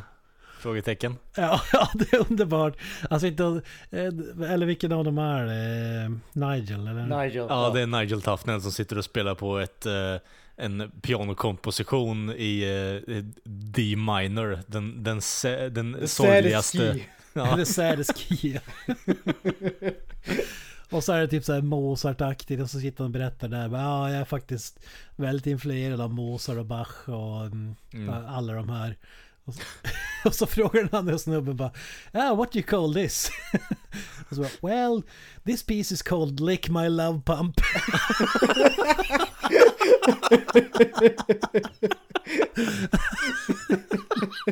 det är så jävla briljant. Det är så jävla briljant. Man tror ska ha någon hög eh, highbrow sticky då. ja, precis. Superpretentiöst. Men nej, det, det är rakt ner på cockrock-nivån fortfarande liksom. Sjunde symfonin, nej. Lick My Love Pump här. Det är så jävla briljant. Eddie Meduza hade varit stolt. Ja, ja verkligen. Motsvarighet till Runky Ball-låten så att säga.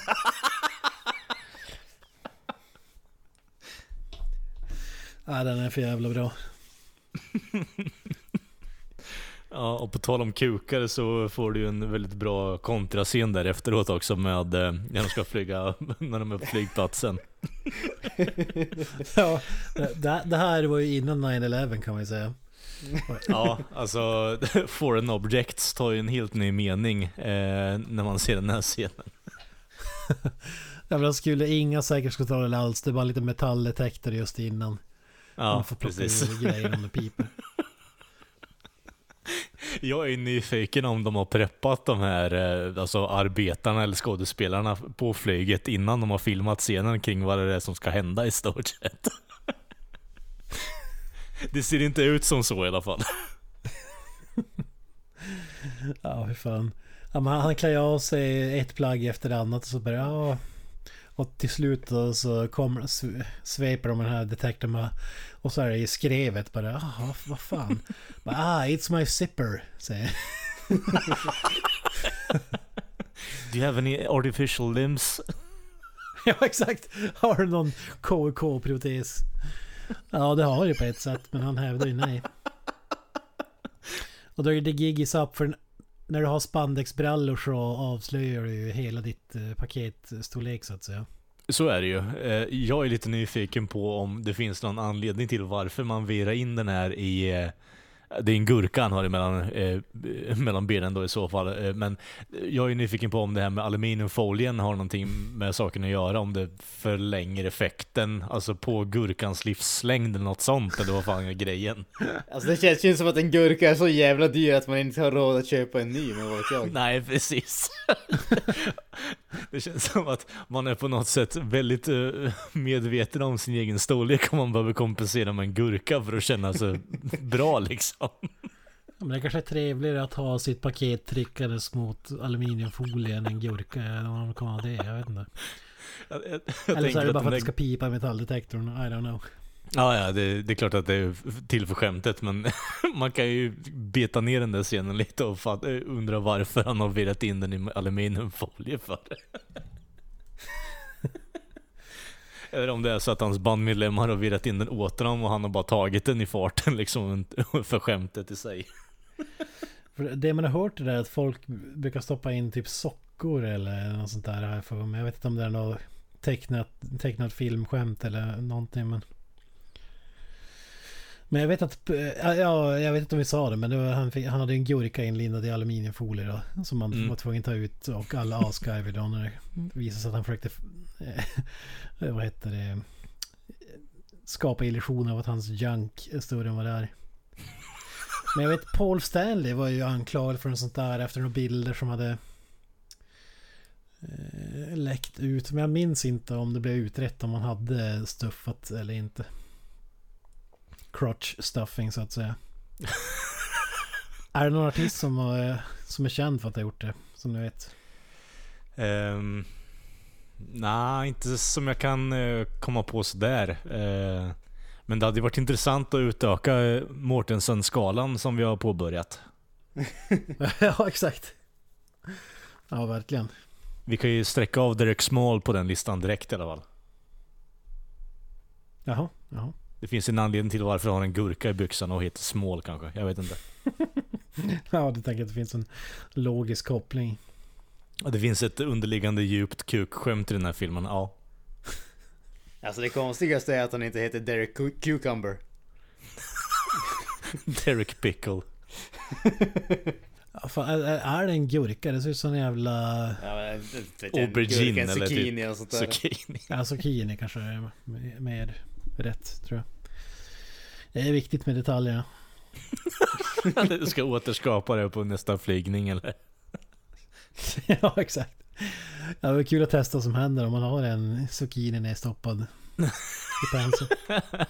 Ja, jag undrar hur många som fattar referensen då om det blir så här, brister ut i apgarv och man får lite stående ovationer om det blir bara ah, okej, ja men du är terrorist alltså. Nu försöker vara Ja, lite exakt. Det är mer fem security guards som slänger sig över en och ja, precis. Follow us sir. Bend over please. Looks like you have cocaine in your rectum here sir. Ja. ja, det går åt helvete. De hittar inte ut i scenen. det är, ändå magiskt. De bara går där och ramlar bara Fan var det här vi gick? Bara, Nej vi går tillbaka. Rock and roll, let's go, let's go. Och så, och så fortsätter de till slut hamnar de hos en jävla vaktmästare som, som står, ser ut att stå i en källare och skruva på någon typ eh, värmepanna eller någonting. Och så bara du, hur fan kommer vi ut till scenen? Och så bara ja, gå rakt fram, höger, vänster, det finns en liten knix där, och så har ni vänster igen. Och så sen höger, rakt fram, vänster, vänster, höger. och så kommer en liten rundning där, då går ni höger, inte till vänster. Och så sen två andra till höger. Världens mest komplicerade vägbeskrivning. Och så slutar med att de kommer tillbaka till samma ställe, att de har gått, gått i en cirkel och träffat på honom igen. Det är så jävla bra. Jag tycker om den här också. And there's a door that says authorized personnel only. But you're authorized? Are we? Well you're the band right? Well we got guitars. Ja. ja, och så det magiska Hello Cleveland, och så är de det Kalle. Alltså det är ju underbart. Det är ju, det är ju on par med Let's rock and roll liksom. Eh, försöker peppa upp sig själva men fortfarande fuckar upp det liksom. Och det, det är som att de försöker, försöker påminna sig själva eh, om vilket, vilken stad de är i. Vilket egentligen, eh, vad kan man säga, det, de har ju varit medverkande i ett Simpson-avsnitt också det här bandet. I och med att Harry Shearer är kopplad till Simpson. Eh, så har de gjort ett eh, skämt i den, eh, det avsnittet där Derek Smalls har skrivit namnet på staden på baksidan av sin bas för att komma ihåg det, vart de är. Underbart. Alltså, jag älskar att han fortsätter bara gapa det Hello Cleveland för att, som du säger, hålla Hello Cleveland! Hello Cleveland! Ja, det är så jävla briljant alltså. Vaktmästaren är underskattad. Han får inte nog mycket praise alltså. Nej, alltså, alltså grejen med den där komplicerade beskrivningen är ju en sak, men när de loopar tillbaka, vad jag bara kan ana är att de har gått runt, gått runt en pelare och gått tillbaka till honom. Den här blicken han får på där, alltså, vad, i fucking helvete håller ni på med era jävla idioter? Ja, det säger mer än tusen ord så att säga. Ja, han är kung. Och så, vi får aldrig se dem hitta ut till scenen heller, så jag vet inte fan om det, det giget någon som blev av. Nej, precis. Eh, Men med tanke på hur jävla stort misslyckande hela den jävla turnén verkar vara eh, rakt igenom så tänker jag misstänka att den spelningen blev inställd i sista minut också. Ja, fan. Men vad säger du om fiolsolot då? Alltså uppbyggnaden på den här scenen är så jävla strålande. Eh, Nigel Tufner sitter och blir intervjuad. Det är i stort sett bara efter att han haft lite det blir lite bråk mellan eh, Nigel och eh, David St. Hubbard. Eh, om eh, lite kreativitets eh, in, inflikningar i bandet i och med att eh, flickvännen, a.k.a. Yoko Ono kan vi kalla henne, eh, går in och ska hålla på och ändra på massa saker.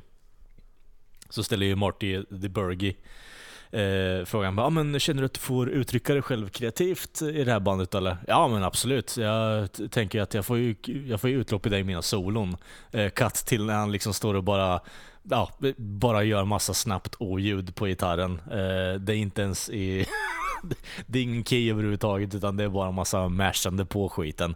Eh, och det är bara bröstat för övrigt också, väldigt så här urtypen på ett så här mellanspelssolo mellan låtarna. Eh, och eh, kronan på den här eh, scenen är ju när han tar upp fiolen.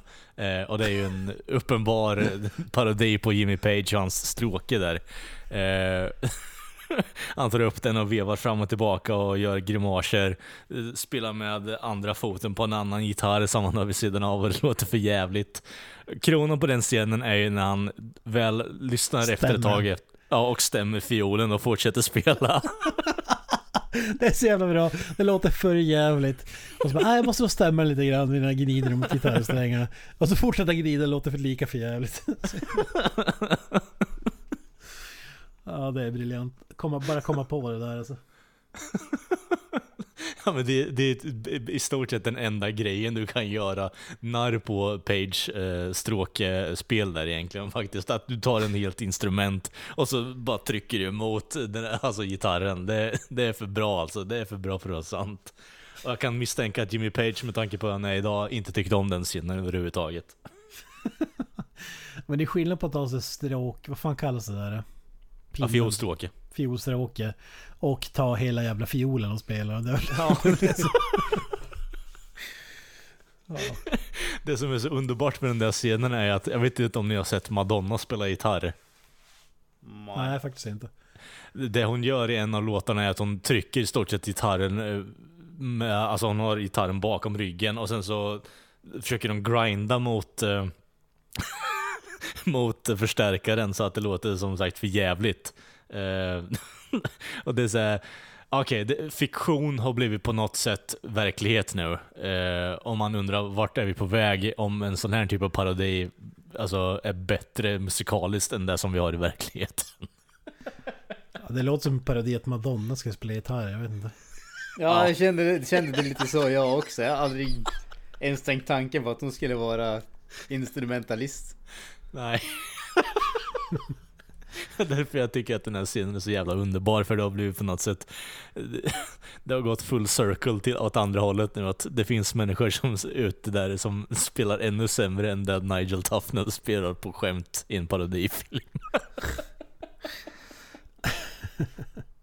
Stonehenge har vi väl redan gått igenom. Jag tycker vi har gått igenom den ganska Ja, djupgående den, faktiskt. den, det är ju en, alltså bortsett från väldigt många andra scener i den här, i den här filmen så är ju den, det är ju det är top notch alltså. Det, den, den får en så bra setup och payoffen är så jävla underbar och jag, jag tror att vi inte kan gå igenom den mer än vad vi redan har gjort faktiskt. Så Nej. Jag älskar uppbyggnaden, alltså att den, den pågår ju typ, det är samma scen i fyra olika scener, alltså mm. som hänger ihop. Som sagt, när han skäller ut, eller ja, när de ritar den här jävla på servetten, när han skäller ut hon som har gjort den, eh, när bandet spelar och så sen blir han utskälld av bandet för att han har släppt igenom den jävla miniatyren. Det ja, det är briljant. Ja, just det, det är då Yoko Ono vill ta över showen och eh, erbjuder sig generöst nog att hjälpa till och, så, och vara manager till bandet. Ja, exakt. Ge dem lite ny image så att säga. Och det blir en jävla image. Den har jag i och för sig också varit inne på men det blir ju... Ja vad fan blir det Granström? Ja men alltså det blir, alltså egentligen det första jag tänkte när jag såg där det var ju att eh, hon ville göra om dem till Kiss. ja, Ja faktiskt. Jag skulle ha masker och grejer. Kiss och så var de ju liksom djur, eh, och sådana grejer. Det bästa Ja, var i ansiktet där när någon skulle ha yin, yin och yang i ansiktet. Ja. Oj fan. Ja men vi, vi får ju det där egentligen. Eh, vi får ju direkt där att eh, Nigel ger sig av. Han blir ju fucking pissed off och sticker och så får hon ju faktiskt ta över. Där, och så direkt efter det så får vi ju eh, Airbase, eller Air Force-scenen där. där gigget blev nedlagt men hon lyckades ordna ett nytt gig på en Air Force base. Och de, de är stora fan av dem, inte av dem specifikt men av rock'n'roll. ja, exakt. Jag, jag måste bara nämna innan vi passerar för långt, för jag tycker det är så jävla bra, det, när vi är inne på maskerna där, när Alltså en, en ska vara yin och, sminka sig till yin och yang, en ska se ut som ett lejon med morrhår och hela kittet och någon ska se ut som en krabba. Och managern har inga problem med det här förutom att Do you have any idea what this would cost to make animal masks? Ja. det är det som är största problemet med den idiotiska idén. Att det skulle kosta mycket pengar att göra maskerna, inte att det är eh, bara sinnessjukt usla masker. Så, it's not animals, it's zodiacs. Oh, you don't get it. Underbart. Äh, tillbaka till eh, militärbasen. Ja men vi får ju den där underbara det, dels öppningsscenen då när de blir kallade Spinal Tarp såklart, vilket jag vet inte varför det klickade för mig, jag tyckte det var jävligt kul. Eh, men sen så går de ju ut på scenen och kaptenen där säger bara If you could play some slow songs as well so I can dance a little bit. och så går de ut och så börjar vi köra Woman from the sex farm! Working on a sex farm! alltså bara... det måste säga, ja. Fast i dansbandstempo. Typ. Precis, militärer på en bas som är där på shore leave, något sånt skit. De är där för att ha permission i stort sett. Och så är det något jävla cockrockband som spelar det är liksom sex farm, bara någon slowjammare som de beskriver att det är massa prostituerade överallt liksom.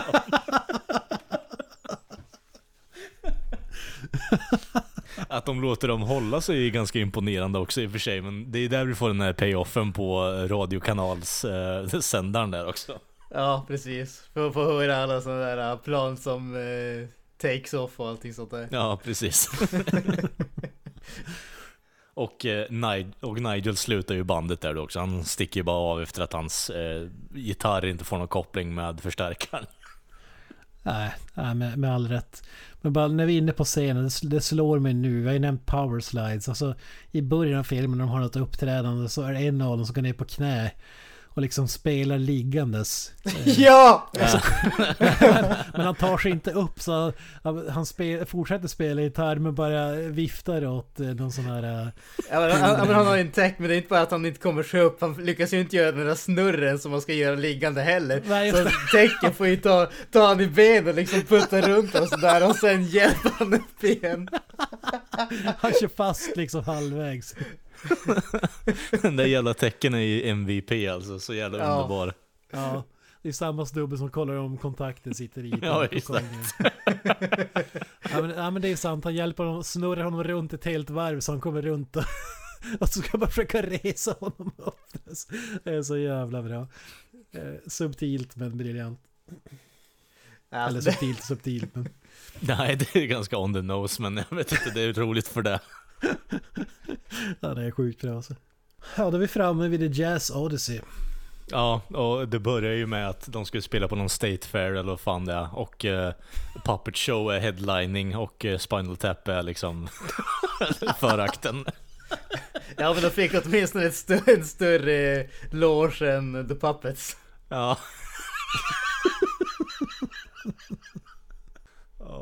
jag vet inte hur jag ska beskriva det, det är så underbart. You are now witnessing the new birth of Spinal Tap Mark 2. ja, det är mycket rebirths och grejer alltså. Ja, det... det Yoko Ono har förpestat hans sinne. Men då får vi där när han gör sin eh, return till bandet. Nigel ja. Nigel. Han kommer tillbaka, det är sista spelningen på turnén. Eh, leave with a bang, så att de, som de säger. Eh, leave them, uh, they're gonna wish they miss us, eller något sånt skit. de säger. ja, de har ju tänkt uppträda utan honom, men då kommer jag med någon så här meddelande från managern att ja, det är... Sex farm är på listan i Japan. Exakt. Så ja, nu, nu är jag bara här för att meddela att vi är intresserade av att dra till Japan och lira för att vi är på listorna där ungefär. Mm. Ja men det, det känns ju också som en sån här uh, bandtrope. Ja men när man inte ens bor i USA eller Sverige längre, man big in Japan. Ja men det är ju det som är parodin på hela den grejen också liksom att ah, Okej okay, det här bandet har kört slut helt och hållet. Ja men eh, skicka dem till Japan, det blir nog bra. Ja. Precis som att Dr. Albon är svinstor i, vad fan är det, typ Polen och sådana där länder. Estland och grejer. Big in Estland. Alltså. ja, han ger ju lite såhär squatting slav känsla du vet med Adidas eh, tracksuits och så vidare. ja, exakt. Jag tänker bara på såhär Eurotrip-aktigt. Ja, miscusi, miscusi. Nej men den här typ, oh, we only have one dollar left eller någonting. Och det räcker ja, till att köpa typ en hel jävla hotellkedja med. bara here's, here's a quarter, bara a quarter? Bara går till hotellmanagern bara Fuck you, I'm quitting. Ja. en dollar är värd typ 10 miljarder i ja. vilket land de är. Ekonomin är fucked up liksom. Va, va, har vi något band som är big in Japan? Um, Beatles, Led Zeppelin vet jag. Um, är det typ alla kanske? Paul Gilbert är stor i Japan. Eh, Shredder, alltså spelar väldigt bra gitarr. Eh. Turtles. Ja, exakt. ja. Hanoi Rocks. Turtles. Om Paul Gilbert spelade Shredder i Turtles då hade det varit en helt annan film. ja, det hade det. hade det varit så. Turtles hade fått ansiktena smälta liksom från hans gitarrlirande. Yngwie Malmsteen måste vara stor i Japan. See you in Tokyo bitch och så vidare.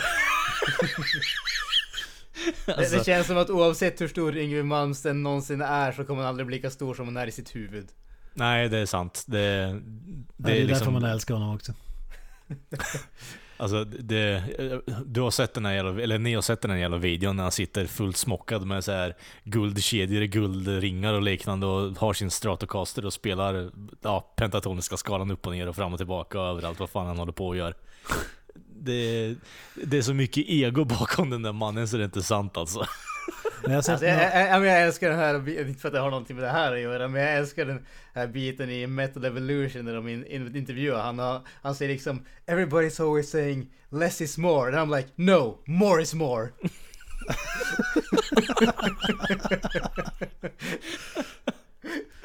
Oh, fy fan. Man har, han har väl någon sån här Eh, det var, jag tror det var en baseballmatch eller någonting när han ska spela Star Spangled Banner, alltså national... Eh, mm. Sången i USA. Där han bara kör eh, typ så här 40 minuter långt gitarrsolo så tar aldrig slut. Så, så jävla magiskt när han står där med öppningen på skjortan hårigt bröst och solbriller och bara kör. Så 30 år efter sin karriär i stort sett bara lagom avdankad och ingen bryr sig. Okej okay, Yngve, du kan spela din gitarr snabbt. Vad bra. ja vilken king alltså. Fy fan. See you in Tokyo bitch, kända sekvensen där som var med 100 höjder då var det väl. Jag tror det var där jag hörde det första gången i alla fall. Det finns en ljudinspelning när någon, han bråkar med en flygvärdinna som spiller ut en jävla drink eh, över honom eller någonting för att han, för att han har betett sig som ett svin. You release the fucking fury. Det är magiskt. See you in Tokyo bitch. ja, den rekommenderar folk att söka fram. Klassiker. Ja, äh, vad säger du om hans eh, comeback i bandet då? Mitt under när de spelar så bara, ja men kom in, kom in i, i bandet igen. Och så dyker ja. han upp där, plockar upp gitarr och gör en 10 av 10 spelning. Ja, äh, det, det är en underbar låt alltså. Det, det är själv tårta på tårta låten eh, utan Slake också. Tonight we're gonna rock you tonight som börjar hela filmen. Briljant titel för det. ja. Är det rock'n'roll uh, all night eller? Hade, nej, tonight we're gonna rock you tonight. Det... ja men alltså att det var en... Eh, att de driver... Jaha okej, okay, en parodi på det. Ja, det är nog inte omöjligt. Uh... Ingen aning när den kom. Nej, det är fy... Ja, den låten kom väl ut typ... eh, 87 verkar det som. Ja, okej. Ja, Poison. då är det lite... Ja. Men Kiss-låten tänkte jag på. Jag skulle vilja säga typ 70, slutet 70-talet. Ja, kom den väl ut. 75. Ja, 75 kom Rock'n'Roll Ja, All så Night. tidigt Det måste, i alla fall. det Okej. måste ju vara den. Ja, Så eller, Paris. alltså dåliga rocklåtar överlag som är väldigt tårta på tårta och intetsägande. Ja men den, den låten är magisk. Rock'n'Roll Ja, ja Night. den, den är ju svinbra. Det, Men den är lite, den är lite on the nose så att säga. jo, det är den ju. Det, men det är bättre att vara övertydlig än eh, väldigt vag kan jag tycka också. ja. ja, varför gör folk... Varför gör saker mer komplicerade än vad de behöver vara? Ja precis, det, det är, folk är inte där för att bli förvirrade, de är där för att ha good time, all the time. Exakt. Och tonight we're gonna rock you tonight. Ja exakt.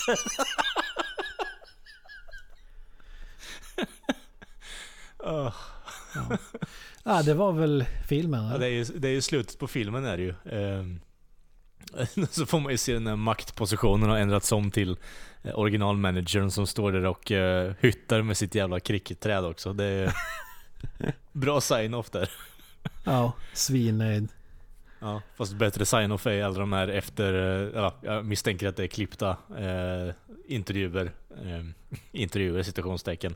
Där de, eh, eh, vad heter det, keyboardspelaren eh, får ju lägga in den här underbara kommentaren bara, jag bara, What's your goal in life? Bara, to have a great time, all the time, that's my goal.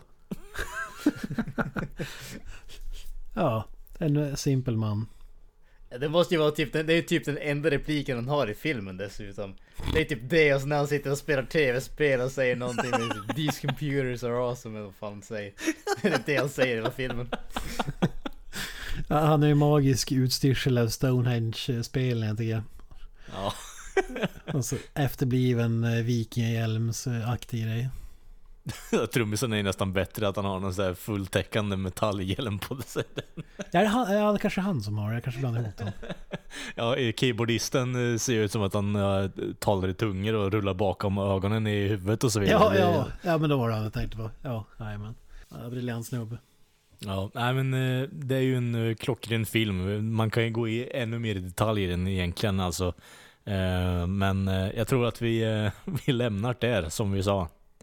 Eh, Om ni inte har något annat ni vill ta upp så här pronto.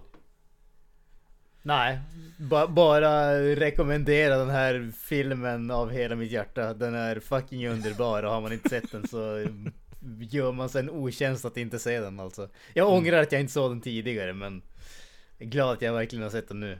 Mm, ja, välkommen in i värmen är allt jag har att säga till den kommentaren faktiskt. Ja, som sagt fantastisk film. Fan en, det, det, ja, det kan fan vara en 10 alltså.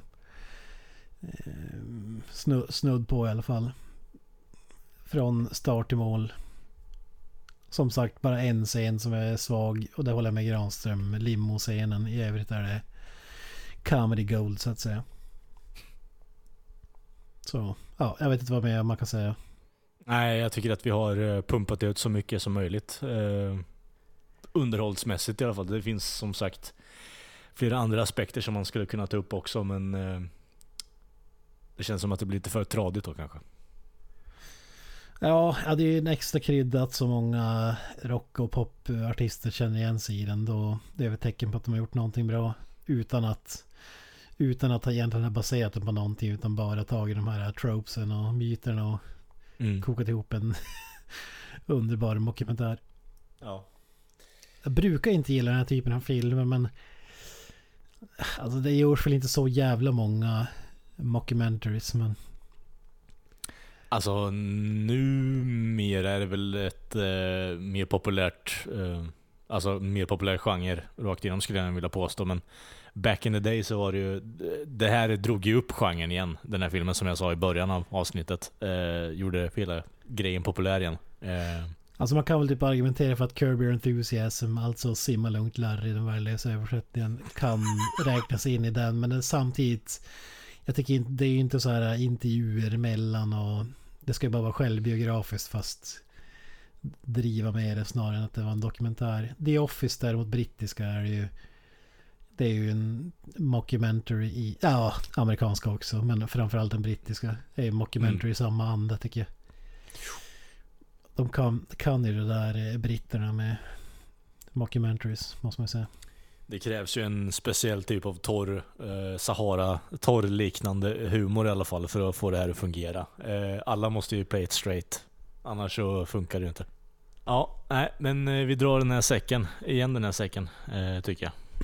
Absolut. Yes. Eh, ja, eh, tack för att ni har lyssnat även den här veckan. Eh, vi kommer ju tillbaka även nästa vecka och eh, ni hittar oss på sociala medier. Det är bara att söka på Filmsmakarna så ploppar vi upp lite överallt. Eh, vår egen hemsida är ju då filmsmakarna at wordpress.com. Eh, hittar ni oss där. kommer lite fräcka grejer där också emellanåt. Och eh, vill ni kontakta oss är det ju via sociala medier. Eh, främst Instagram eller Facebook där. Ja, boys. Eh, avslutande ord här. Ja, jag säger väl up the irons. Jag säger Hail Satan. Eh, ha en strålande tid eh, hela tiden. Man